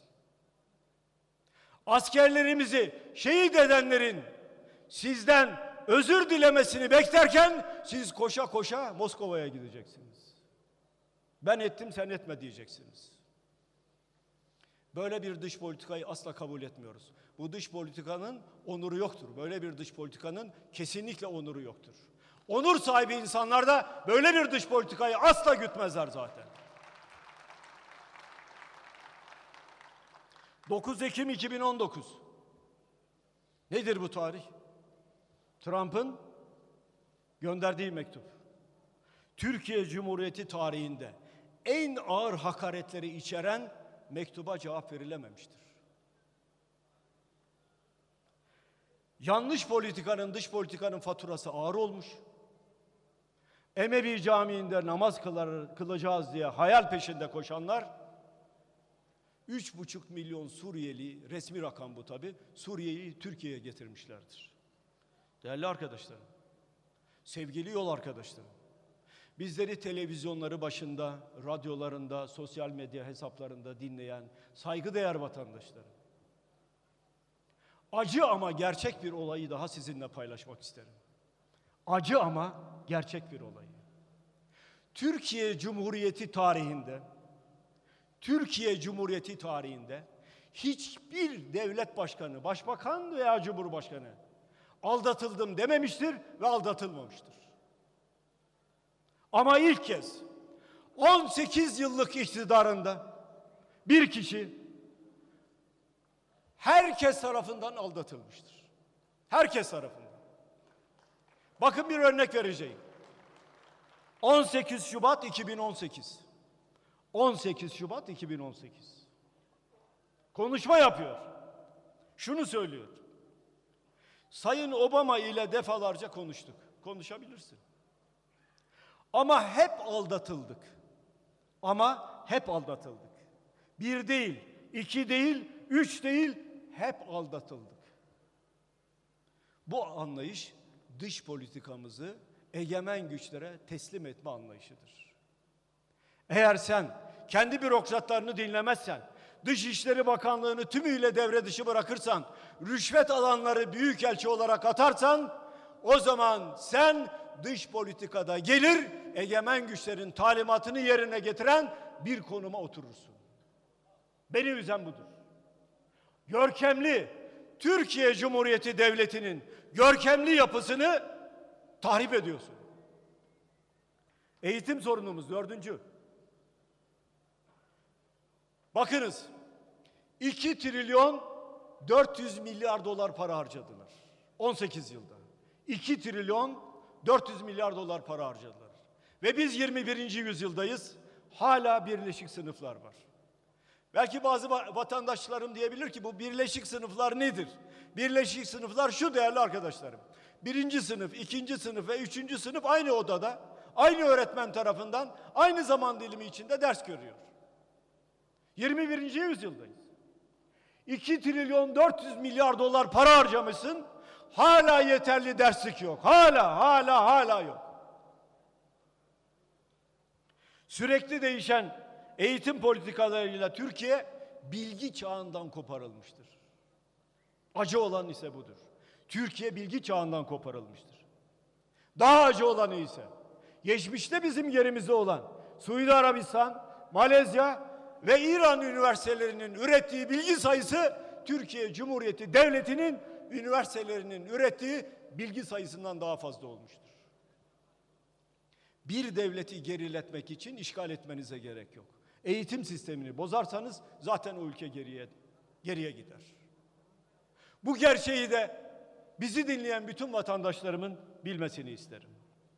Eğitim politikalarını sürekli değiştirerek kendi çocuklarını denek olarak kullanan dünyadaki tek ülkeyiz. Eğitim politikalarını sabah akşam sürekli değiştirerek kendi çocuklarını denek olarak kullanan dünyadaki tek ülkeyiz. Ve çocuğunu okula gönderen hiçbir anne, hiçbir baba eğitim sisteminden memnun değil. Ama bunları değiştireceğiz. Şimdi sorunları anlatıyorum. Beşinci temel sorunumuz toplumsal barış. Toplumsal barışımız temelden dinamitlenmiştir. Etnik kimlik üzerinden siyaset, yaşam tarzı üzerinden siyaset, inanç üzerinden siyaset toplumu kutuplaştırmıştır, ayrıştırmıştır, toplumu bölmüştür. Oysa bu ülkede 83 milyon bayrağımızın altında huzur içinde yaşamak istiyoruz. Kimsenin etnik kimliğini sorgulamak, inancını sorgulamak, yaşam tarzını sorgulamak bizim hakkımız mı? Kime böyle bir yetki verildi? Bizim sorgulayacağımız şey vatandaşın karnı aç mı tok mu? Çocuğunun işi var mı yok mu? Ayrıştırdılar. Siyasi iktidar başta Kürt sorunu olmak üzere neredeyse tüm toplumsal sorunlarda kutuplaşma ve kamplaşmayı derinleştirmekte, ötekileştirmekte ve politikaları bunun üzerine inşa etmektedir. Değerli arkadaşlarım, çok genel hatlarıyla sorunlara değindim. Örnekler de verdim. Bu örnekleri çoğaltmak mümkün. Ama günümüz eleştiriden çok neyi nasıl çözeceğiz? Sorunları bilelim ki nasıl çözeceğimizi de sağlıklı saptayalım. Çünkü sorunları bilmeden, sorunu iyi analiz etmeden geleceği inşa edemez. Eğer bir karar alıyorsan o kararın hangi sorunu çözeceğini düşünmeniz ve bilmeniz gerekiyor. Değerli arkadaşlarım, asıl soru şu. Biz bu sorunları kimlerle ve nasıl çözeceğiz? Bu sorunları kimlerle ve nasıl çözeceğiz? Önce kimlerle çözeceğiz? Bu sorunları değerli arkadaşlarım sizlerle yani yol arkadaşlarımla çözeceğiz. Bir araya gelerek çözeceğiz. Birlikte mücadele edeceğiz. Hep birlikte yapacağız. İki, dostlarımızla yani Millet İttifakı'nı oluşturan dostlarımızla birlikte çözeceğiz. Özgürlük isteyen ve özgürlüğünden asla ödün vermeyen gençlerimizle çözeceğiz. Bu sorunu her gün şiddete uğrayan, öldürülen, katledilen, hakları ellerinden alınmak isteyen ama pes etmeyen kadınlarla çözeceğiz. Bu sorunları kalemini satmayan gazetecilerle, aydınlarla, bilim insanlarıyla, sanatçılarla, zeki, çevik ve ahlaklı sporcularla birlikte çözeceğiz. Bu sorunları alın terinin karşılığını alamayan çiftçilerle, işçilerle, emekçilerle çözeceğiz. Sayıları 10 milyonu aşan ve büyük bir kısmı genç olan işsizlerle beraber çözeceğiz. Siftahsız kepengini kapayan esnafımızla çözeceğiz. Bu ülkenin büyümesi ve kalkınması için fedakarca çalışan iş insanlarıyla çözeceğiz. Hakkını ve hukukunu her zaman her yerde savunduğumuz emeklilerle çözeceğiz.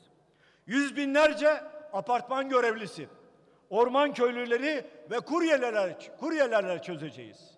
Yani özet olarak halkımızla çözeceğiz. Birlikte halkımızla çözeceğiz. Şimdi geldik nasıl çözeceğiz? Çiftçi tamam, emekli tamam, işsiz tamam, kadınlar tamam, apartman görevlileri tamam, esnafımız tamam. Hep beraber sorunları çözmeye karar verdik. Şimdi nasıl çözeceğiz? Sorunlarımızı nasıl çözeceğiz? Önce şunu hiç kimse unutmasın değerli arkadaşlarım. Önümüzdeki ilk seçimlerde dostlarımızla birlikte iktidar olacağız.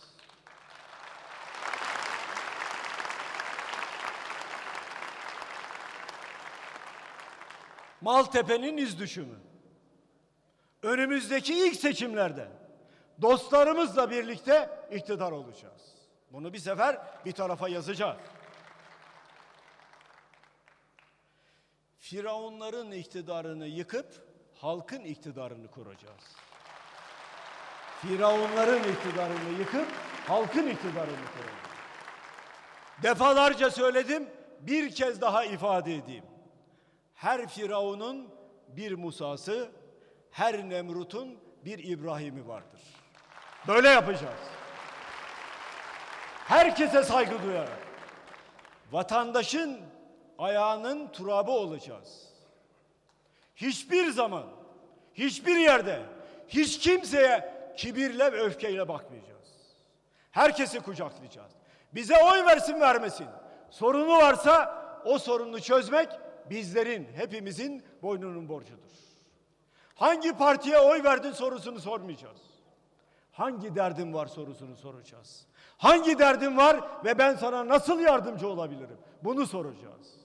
Yeni bir siyaset anlayışı, ahlaklı bir siyaset anlayışı, adaletli bir siyaset anlayışı, vatandaşını hor gören değil, vatandaşını kucaklayan bir siyaset anlayışını Türkiye Cumhuriyeti Devleti'nin topraklarına indireceğiz. Evet nasıl çözeceğiz? Akılla çözeceğiz. Bilgiyle, birikimle çözeceğiz. Deneyimle çözeceğiz. İstişareyle çözeceğiz. Uzmanlara danışarak çözeceğiz. Akıl akıldan üstündür düsturuyla çözeceğiz. Adalet duygusuyla çözeceğiz. Sevgili yol arkadaşlarım, sorunlarımızı çözüm, çö- e, nasıl çözeceğimizi anlatan ikinci yüzyıla çağrı beyannamesini hazırladık. Birinci yüzyılı bitirdik. Meclisin açılışının birinci yüzyılını bitirdik. İkinci yüzyıla geçtik. 2023'te Cumhuriyet'in kuruluşunun 100. yılını bitirip ikinci yüzyıla geçeceğiz. İkinci yüzyılda biz ne yapmalıyız? İkinci yüzyılda hedeflerimiz ne olmalı? İkinci yüzyılda Türkiye'yi nasıl çağdaş uygarlığın ötesine taşıyabiliriz? İkinci yüzyılda nasıl yoksulluğu, işsizliği bitirebiliriz?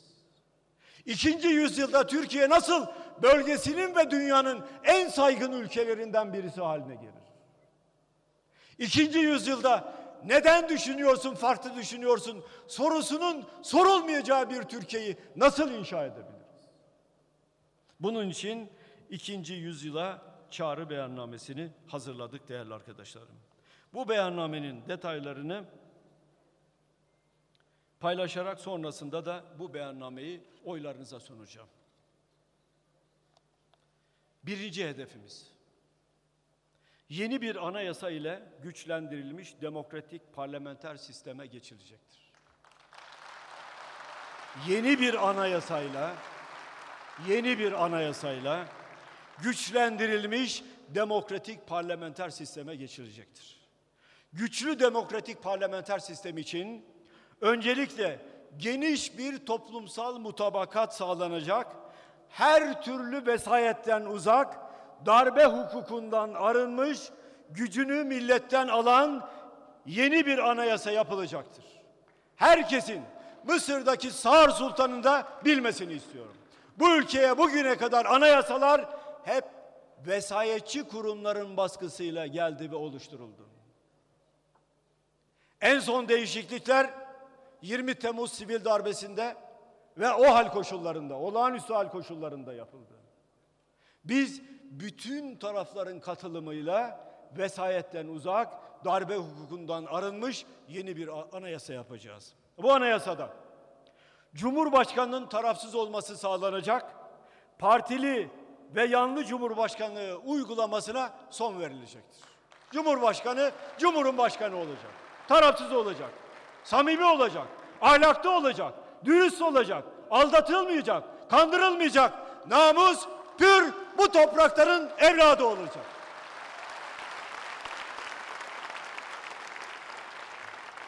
Kuvvetler ayrılığı esas alınacak. Gerekli denge ve denetim me- mekanizmaları kurulacak. Yargı bağımsızlığı ve tarafsızlığı kesin olarak sağlanacak. Hakimler ve Savcılar Kurulu, Anayasa Mahkemesi, yüksek yargı organları ve mahkemeler üzerinde yasama ve yürütmenin doğrudan veya dolaylı vesayetine son verilecek. Yasa tasarı ve teklifleri, yasa tasarı ve teklifleri Türkiye Büyük Millet Meclisi komisyonlarında görüşülürken ilgili meslek kuruluşları, sivil toplum örgütleri ve uzmanların görüşleri mutlaka alınacak. Zorunlu olarak alınacak. Kaptı kaçtı kanun olmaz. Baroyla ilgili kanun çıkarıyorsan baroları çağıracaksın, uzmanlarla oturup konuşacaksın. Sendikalarla ilgili kanun çıkarıyorsan uzmanları çağıracaksın, sendikaları çağıracaksın. Komisyonlarda görüşlerini alacaksın. İstişareden ne kaybederiz? Akıl akıldan üstündür. O sorunu yaşıyor. Ben o sorunu yaşamadan senin sorununu çözeceğim diyorum. Bir dinle bakalım hangi sorunu yaşıyor. Senin yaptığın düzenleme onun sorununu çözüyor mu, çözmüyor mu? Ve bir diğer açıklama, ilke, düşünceyi ifade, örgütlenme ve basın özgürlüğü koşulsuz güven altına alınacaktır. Meslek örgütleri ve sivil, toplum kuruluşları üzerindeki her türlü baskıya son verilecek, medya özgürlüğü evrensel ölçülerde güvence altına alınacaktır. Bunu da yapacağız. Değerli arkadaşlarım hiç kimse unutmasın. Bir devlet hukukun üstünlüğünden ve adaletten vazgeçerse o devlet bir süre sonra organize suç örgütü haline dönüşebilir. Bir devletin organize suç örgütü haline dönüşmemesinin temel nedeni zaten anayasalardır. Bir kişinin baskısıyla ve bir kişinin talepleriyle bir devlet yönetilemez. Bütün kesimlerin, bütün mesleklerin, bütün insanların bu devletin yönetiminde hakkı ve hukuku vardır.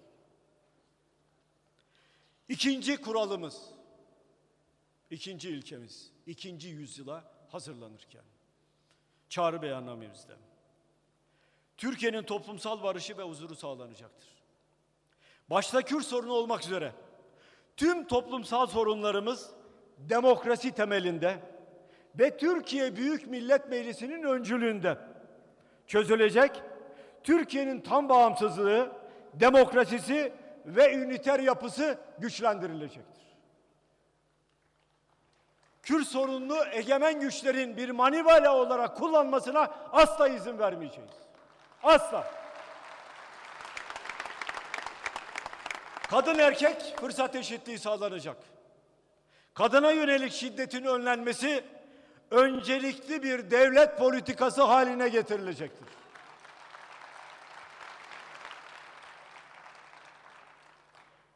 Toplumsal barışın kalıcı hale getirilmesi için, toplumsal barışın kalıcı hale getirilmesi için tüm terör örgütleri ve yeraltı suç örgütleriyle mücadele ödün verilmeksizin sürdürülecektir.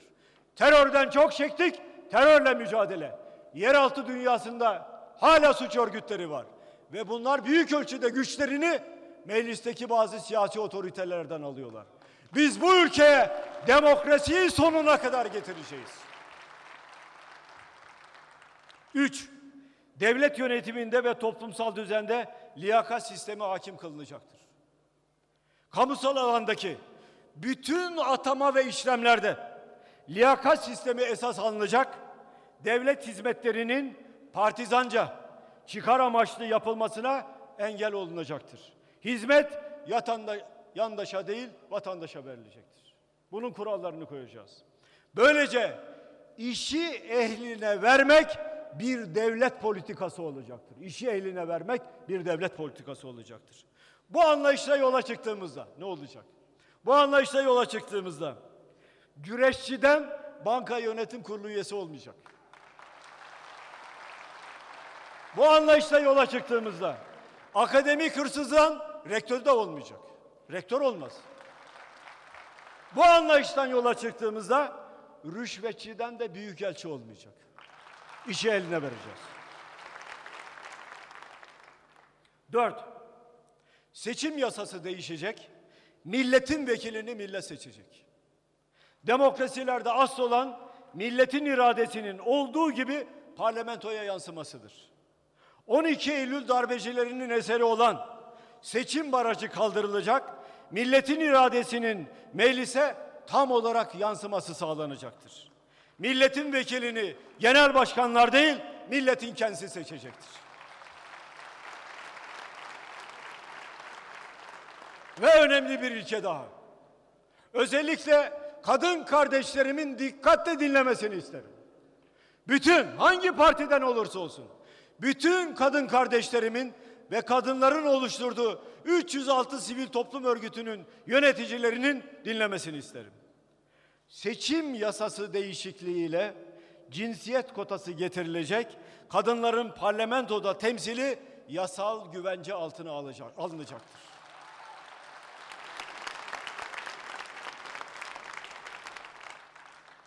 Cumhuriyet Halk Partili kadın milletvekilleri bu yasa teklifini imzalayarak Türkiye Büyük Millet Meclisi Başkanlığına verecekler.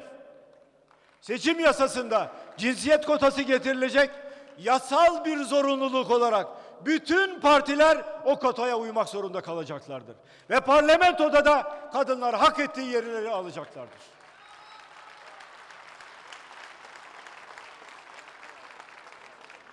Siyasi ahlak yasası çıkarılacak. Siyasi ahlak yasası ile siyaset kirlilikten arındırılacak. Vatandaşla siyasetçi arasındaki güven yeniden inşa edilecektir. Böylece milletin seçtiği vekillere ve gazi meclisimize itibarı iade edilmiş olacaktır. İş takipçisinden, parayla iş takipçisinden milletvekili mi olur? Yolsuzluk yapandan milletvekili mi olur? Kul hakkı yiyenden milletvekili mi olur? Adaletsizliği ilke edilmiş adamdan milletvekili mi olur? Kendisi hacdayken sahte pusula gönderip ben meclisteyim diyen adamdan milletvekili mi olur?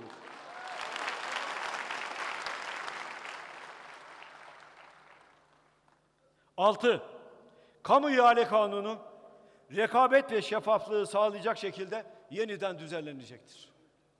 Kamuda israf ve kayırmacılığı önlemek amacıyla kamu ihale kanunu ivedilikle değiştirilecek. Tüm kamu ihalelerinin şeffaf, kamuya açık, kayırmacılıktan uzak bir anlayışla yapılması sağlanacaktır. Eğer israf haramdır diyorsak, inancımızda da israfın haram olduğu temel bir değer olarak önümüzde duruyorsa, nasıl oluyor da israfı 21. yüzyılın Türkiye'sinde itibar olarak kabul ediyoruz? Nasıl oluyor bu? Devlette itibar, devlette itibar israfı önlediğiniz ölçüde artar. Vatandaş devlete ve devleti yönetenlere saygı duyar. Har vurup harman savurma anlayışıyla bir devlet yönetilemez. Her kuruşun hesabını vermek her namuslu siyasetin onurlu görevidir. Bunu herkesin bilmesi lazım. Kul hakkı yemek en büyük günahtır diyoruz. E gayet güzel. Kul hakkı yemek en büyük günahsa vatandaşın simit satarken, emzik alırken, süt alırken ödediği verginin nerelere gittiğinin hesabını bir siyasetçi vermiyorsa kul hakkı yiyerek karnı doyurur de- demektir. İşin özü budur. Hastaneyi yaptık. Kaça yaptın kardeşim? Bileceksiniz. Halkın iktidarında bir hastane kaça yapıldıysa vatandaş bilecek. Havaalanını kaça yaptınız? Bileceksiniz.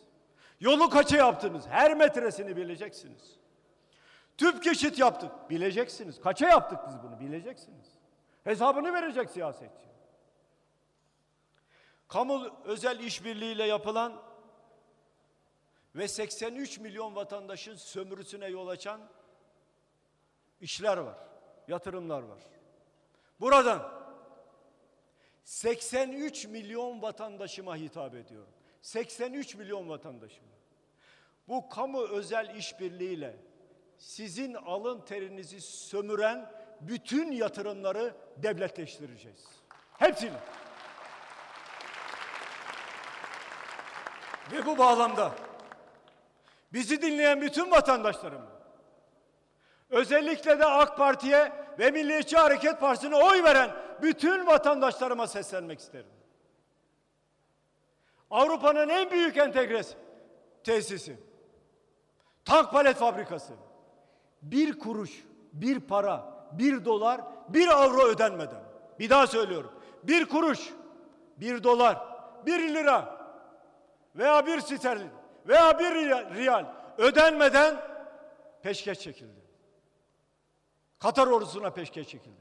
Bizim subaylarımız şu anda Katar ordusunun emrinde çalışıyor. İşçilerimiz Katar ordusunun emrinde çalışıyor. Fabrikayı işçilerimiz yapıyor. Askerlerimiz yapıyor. Ürünü bi- biz üretiyoruz. Parayı kim alıyor? Katar ordusu alıyor.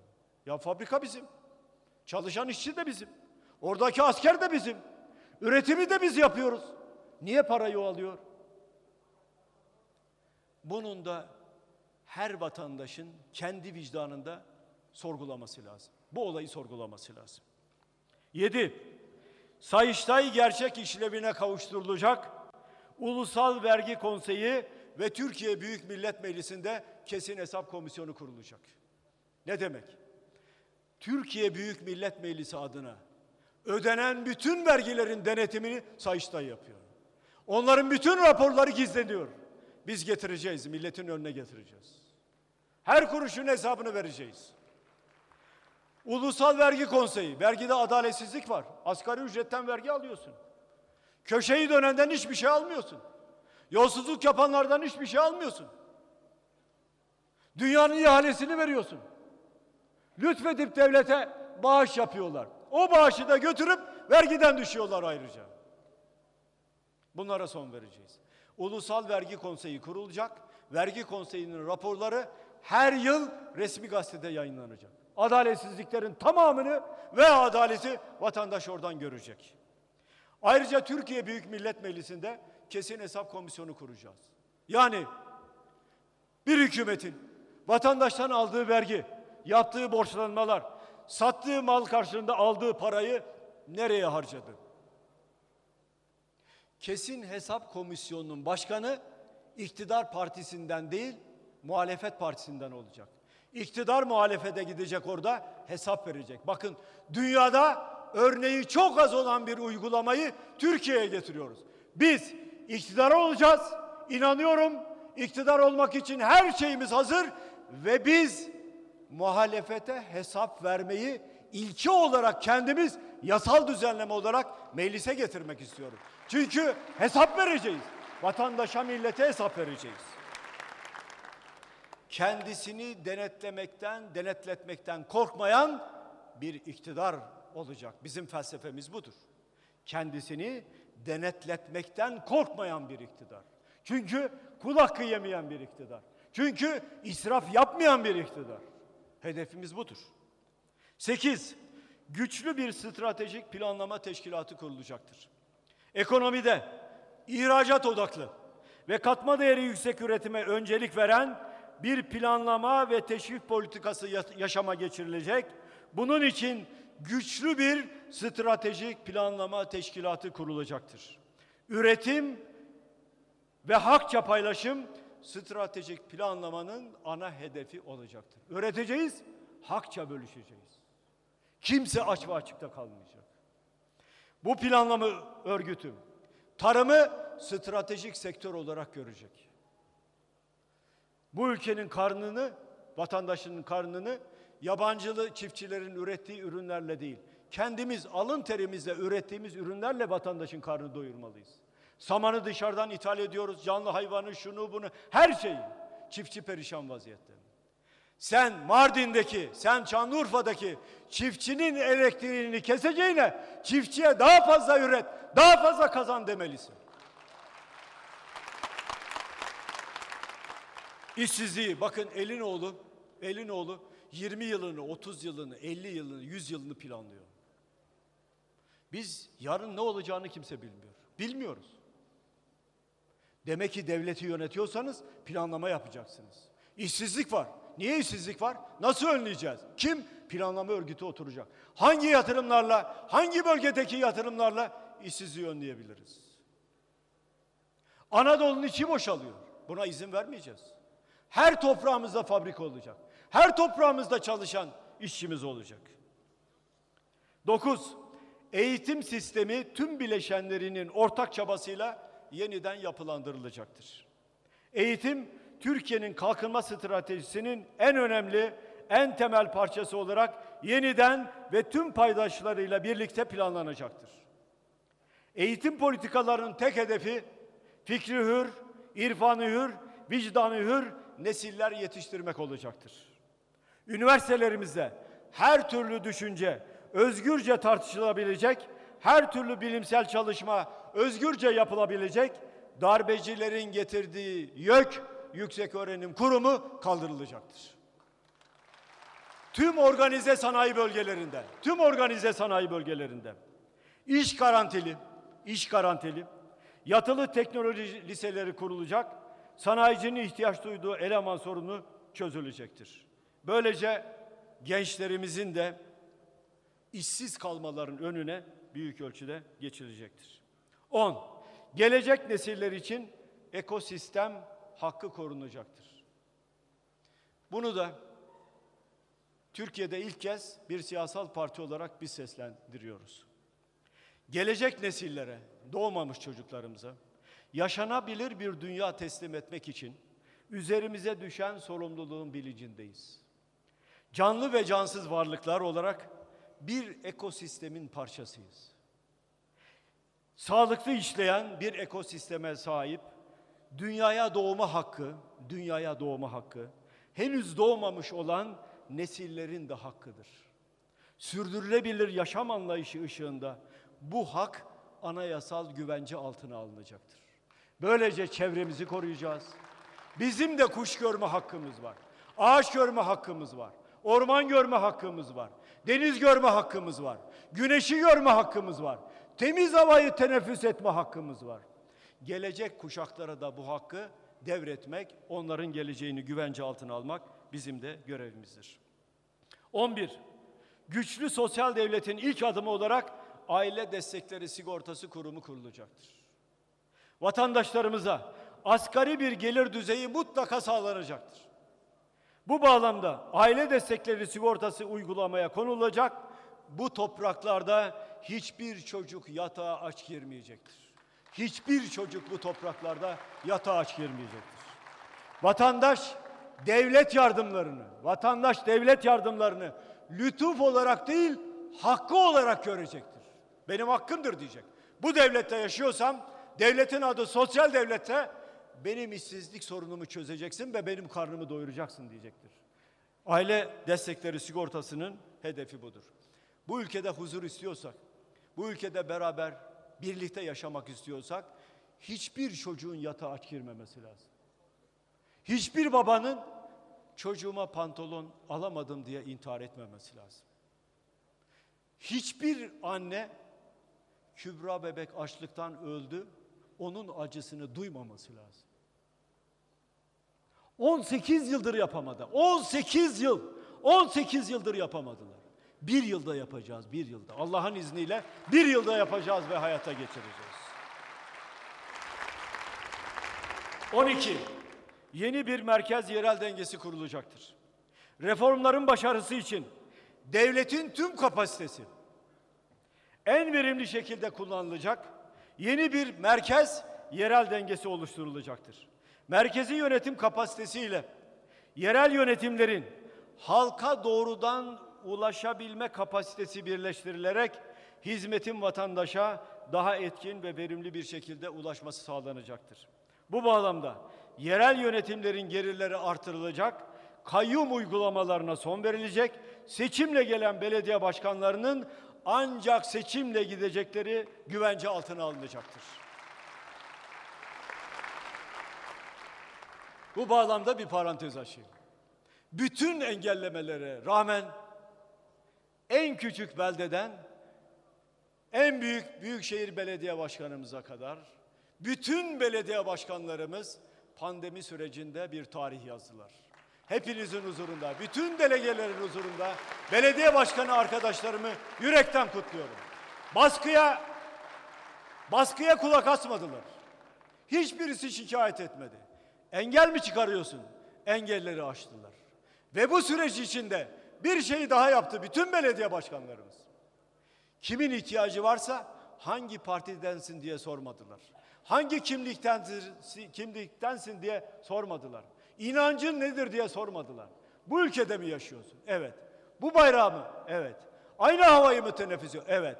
O zaman varsa sorunun gel kardeşim ben sorununa çözüm üreteceğim dediler.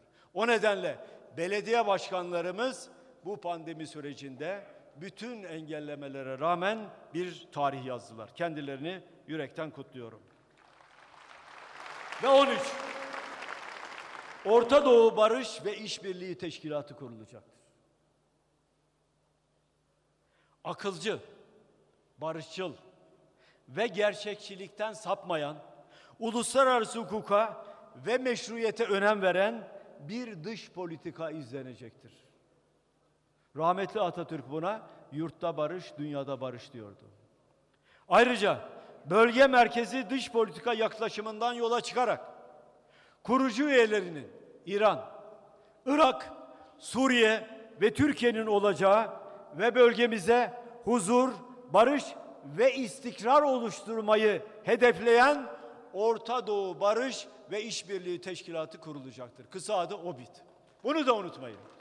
Orta Doğu'da egemen güçlerin vekalet savaşı var. Altındaki petrol üste yaşayan vatandaşların kaderini değiştirdi. Bedel ödüyorlar. Kanla ödüyorlar bedeli. Öyle bir açmaz yaratıldı ki iki tarafta biri birini Allah Allah diyerek öldürüyor. Silahları da egemen güçler veriyor. Komşuda yangın varsa sizde huzur olmaz. Biz Orta Doğu Barış ve İşbirliği Teşkilatı kurarak Orta Doğu'ya huzuru getireceğiz. Barışı getireceğiz. Orta Doğu'yu bir kavga alanı, bir çekişme alanı, bir savaş alanı değil, Orta Doğu'yu bir huzur alanı, bir barış alanı haline döndüreceğiz. Bütün Orta Doğu'yu ku- kucaklayacağız. Orada da Araplar var, bizde de var. Kürtler var, bizde de var. Türkmenler var, bizde de var. Efendim Ezidiler var, bizde de var. Orta Doğu halklarıyla birlikte biz birlikte bir mücadeleyi, bir kardeşliği, bir barışı, bir huzuru sağlayacağız. Ve biz Orta Doğu'da egemen güçlerin değil, Orta Doğu'da yaşayanların kendi iradeleriyle yaşamalarının yolunu açacağız. Barışı ve huzuru sağlayacağız. 13 madde saydım değerli arkadaşlar. İkinci yüzyıla çağrının 13 maddesi. Her birimiz, her bir delegemiz 13 maddeyi ezberleyeceksiniz arkadaş.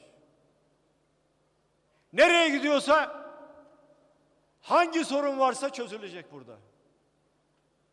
Hepsinin çözümü var. Beş temel sorunun hepsinin çözümü var. Artı huzurlu bir toplum var. Birlikte yaşama iradesi var. Ayrıştırma yok. Bölme yok. Kin yok. Öfke yok. Kibir yok. Herkesi kucaklama var.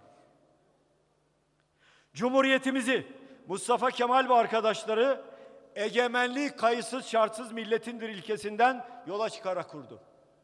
Türkiye Büyük Millet Meclisi'nin açılışının 100. yılına tanıklık eden Cumhuriyet Halk Partisi'nin delegeleri olarak önümüzdeki en önemli görevin Cumhuriyetimizi demokrasiyle taşlandırmak olduğunun bilincindeyiz. Bunu Cumhuriyetimizin 100. yılında yani 2023'te gerçekleştirme azim ve kararlılığındayız. Aşağıda imzası olan bizler 37. kurultayın delegeleri olarak yukarıda saydığımız vaatleri gerçekleştireceğimize, Cumhuriyeti demokrasiyle taşlandıracağımıza milletimizin önünde söz veriyoruz. Bildirgemiz budur.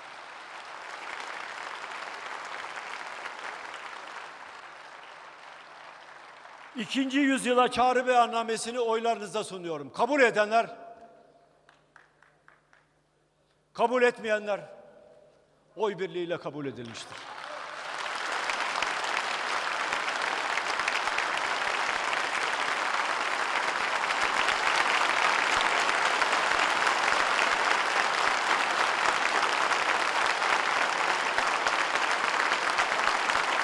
Çok teşekkür ederim. Tarihin bir dönüm noktasındayız. Tarihin bize yüklediği ağır sorumluluklar var. Gün kavga günü değil. Gün Türkiye Cumhuriyeti Devleti'ni ekonomik, siyasal ve bir toplumsal buhrandan çıkarma günüdür.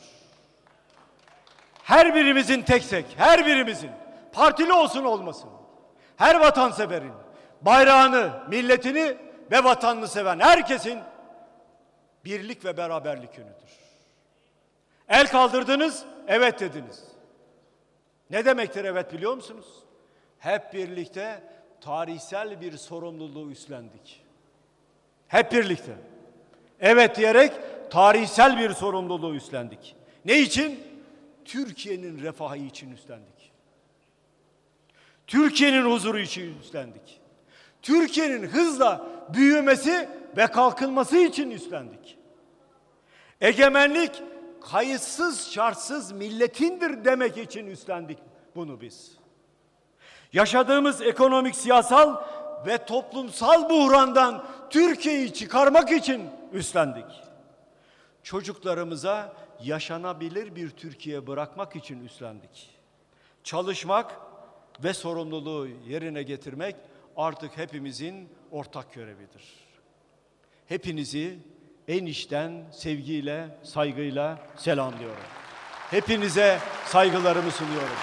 Bizleri televizyonları başında izleyen, radyolarında dinleyen, sosyal medya hesaplarında dinleyen bütün vatandaşlarımı ister Hakkari'de, ister Edirne'de, ister Rize'de, ister İzmir'de, nerede olursa olsun bu coğrafyada ve Almanya'da ve yurt dışında yaşayan bütün vatandaşlarıma en içten selamlarımı, saygılarımı sunuyorum. Sadece ben değil, bütün bütün delegelerimiz, belediye başkanlarımız burada. Onlar da bütün vatandaşlarımızı yürekten kutluyor ve kucaklıyorlar. Hepinize selamlar, saygılar sunuyorum. Sağ olun, var olun diyorum.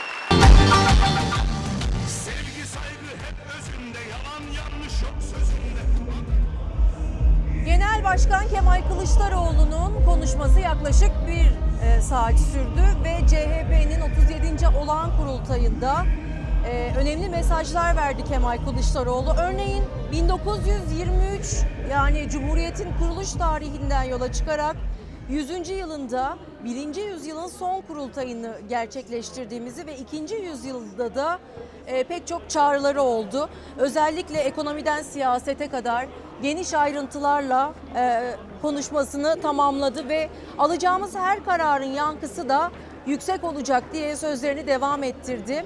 Bu arada alçak gönüllü bir e, uygarlık inşa edeceğiz dedi. Önemli e, notları da vardı bunun arasında. Özellikle 31 Mart yerel seçimlerinde duvar arkasına geçtik. Şimdi o duvarları dostlarımızla birlikte e, parçalama zamanı dedi. Yani aslında ittifaklarına dostlarımız olarak seslendi.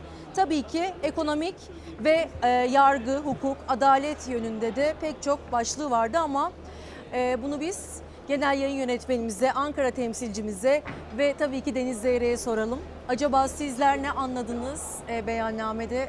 Satır aralarından neler çıktı? Birincisi az önce senin de söylediğin gibi dostlarımız vurgusu bizim çok dikkatimizi çekti izlerken Deniz'le Tülay'la. Ee, ittifak demedi. Dostlarımızla beraber bu duvarı İktidar parça parça dedi. yıkacağız dedi ve iktidar olacağız dedi. O dostlarımız vurgusu çok önemliydi. Dostlarımız vurgusunun ötesinde e, ekonomiyi çok öne aldı. Ekonomiyle ilgili çok ciddi e, şeyleri vardı, saptamaları vardı. Gerçi Kemal Bey grup toplantılarında da buna değiniyor ama burada biraz daha şey yapmıştı. E, perdeyi yükseltmişti.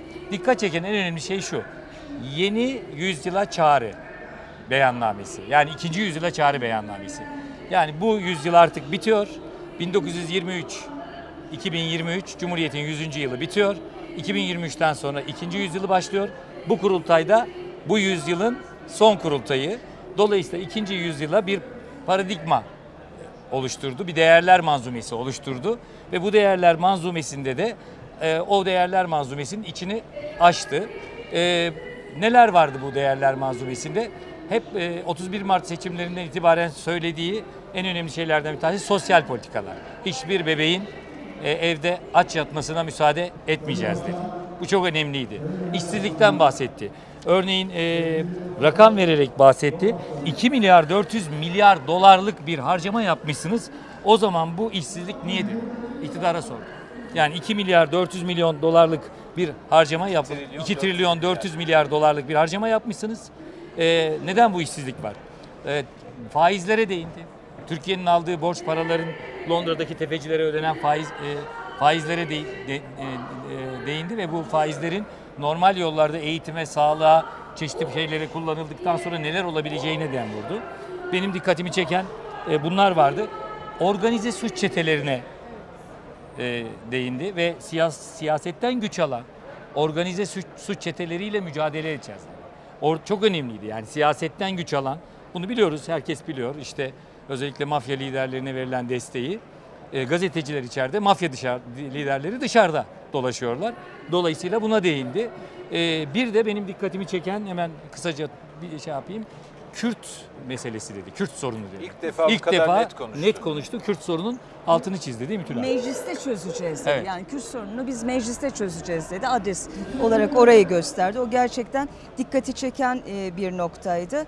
E, onun dışında tabii yeni sis yani beyannameyi açıklarken ikinci yüzyılın beyannamesi ilk sıraya e, sistemin değiştirilmesini koydu. Partili Cumhurbaşkanlığı sistemi değişecek, güçlendirilmiş parlamenter sisteme biz geçeceğiz dedi. Yani bu, bunu taahhütler listesinin en başına koyması çok önemli. İşte şu anki Cumhurbaşkanlığı e, üzerine toplanan yetkiler konusunda çok dikkat çekici cümleleri vardı. Bu toprakların Cumhurbaşkanı olacak e, sözü Evet, e, çok çok, çekici. önemliydi. E, bu toprakların evladı olacak, ahlaklı olacak, dürüst olacak, ta, e, tarafsız olacak, namuslu olacak dedi. Benim en çok dikkatimi çeken o oldu. E, beyannamede ilk taahhüt bu. Çok iddialı bir şey oldu. Ee, kamu e, özel ortaklıklarıyla yapılan şeyleri devletleştireceğiz dedi. Bence çok iddialı bir şey bu. Bir bir sistemin, bir yapının ki şu anda geçmediğimiz köprülere para ödüyoruz. Gitmediğimiz hastanelere para ödüyoruz. Ee, Bunu ortadan kaldıracağım, hepsini devletleştireceğim dedi. Beş sorun alanı koydu Ee, ve onları nasıl çözeceğine dair de bir beyannamede yanlış saymadıysam 15 e, madde saydı. E, kamu ihalelerinde şeffaflıktan bahsetti. Kürt sorununu biz çözeceğiz, yabancılar gelip çöz... Egemen güçleri bırakmayacağız. Evet dedi. Kemal Kılıçdaroğlu'nu ben 2010'dan beri ilk defa Kürt sorunu konusunda bu kadar net gördüm. Konuştu. Bir de kadınların siyasetteki yeri anlamında. Onu da son olarak ekleyeyim. Ee, ona dedi kota getireceğiz ve artık bu meclisten geçecek dedi. Kadınlar e, daha fazla siyasette yer alacak. Bunun taahhütünü de verdi. Evet, kadınlar ve çocuklar üzerinde de e, duracağını üstüne basa basa vurguladı ki zaten bugün açılış konuşmasını yapan da bir kadındı. Akşam bütün detayları e, Ana haberde. Ana haberde. Çok teşekkür ediyoruz yorumlarınız için. Efendim bu sabah e, tan itibaren CHP 37. e, CHP kurultayından yayındaydık. Konuklarımızı ağırladık. Yarın da burada olacağız. Yarın e, delegeler için, e, parti meclisi için oylama e, gerçekleşecek yine aynı alanda. Şimdilik görüşmek üzere. Akşam detayları ana haberden takip edebilirsiniz. Buraya giderken herkes konuşsun. Konuşma günü burası.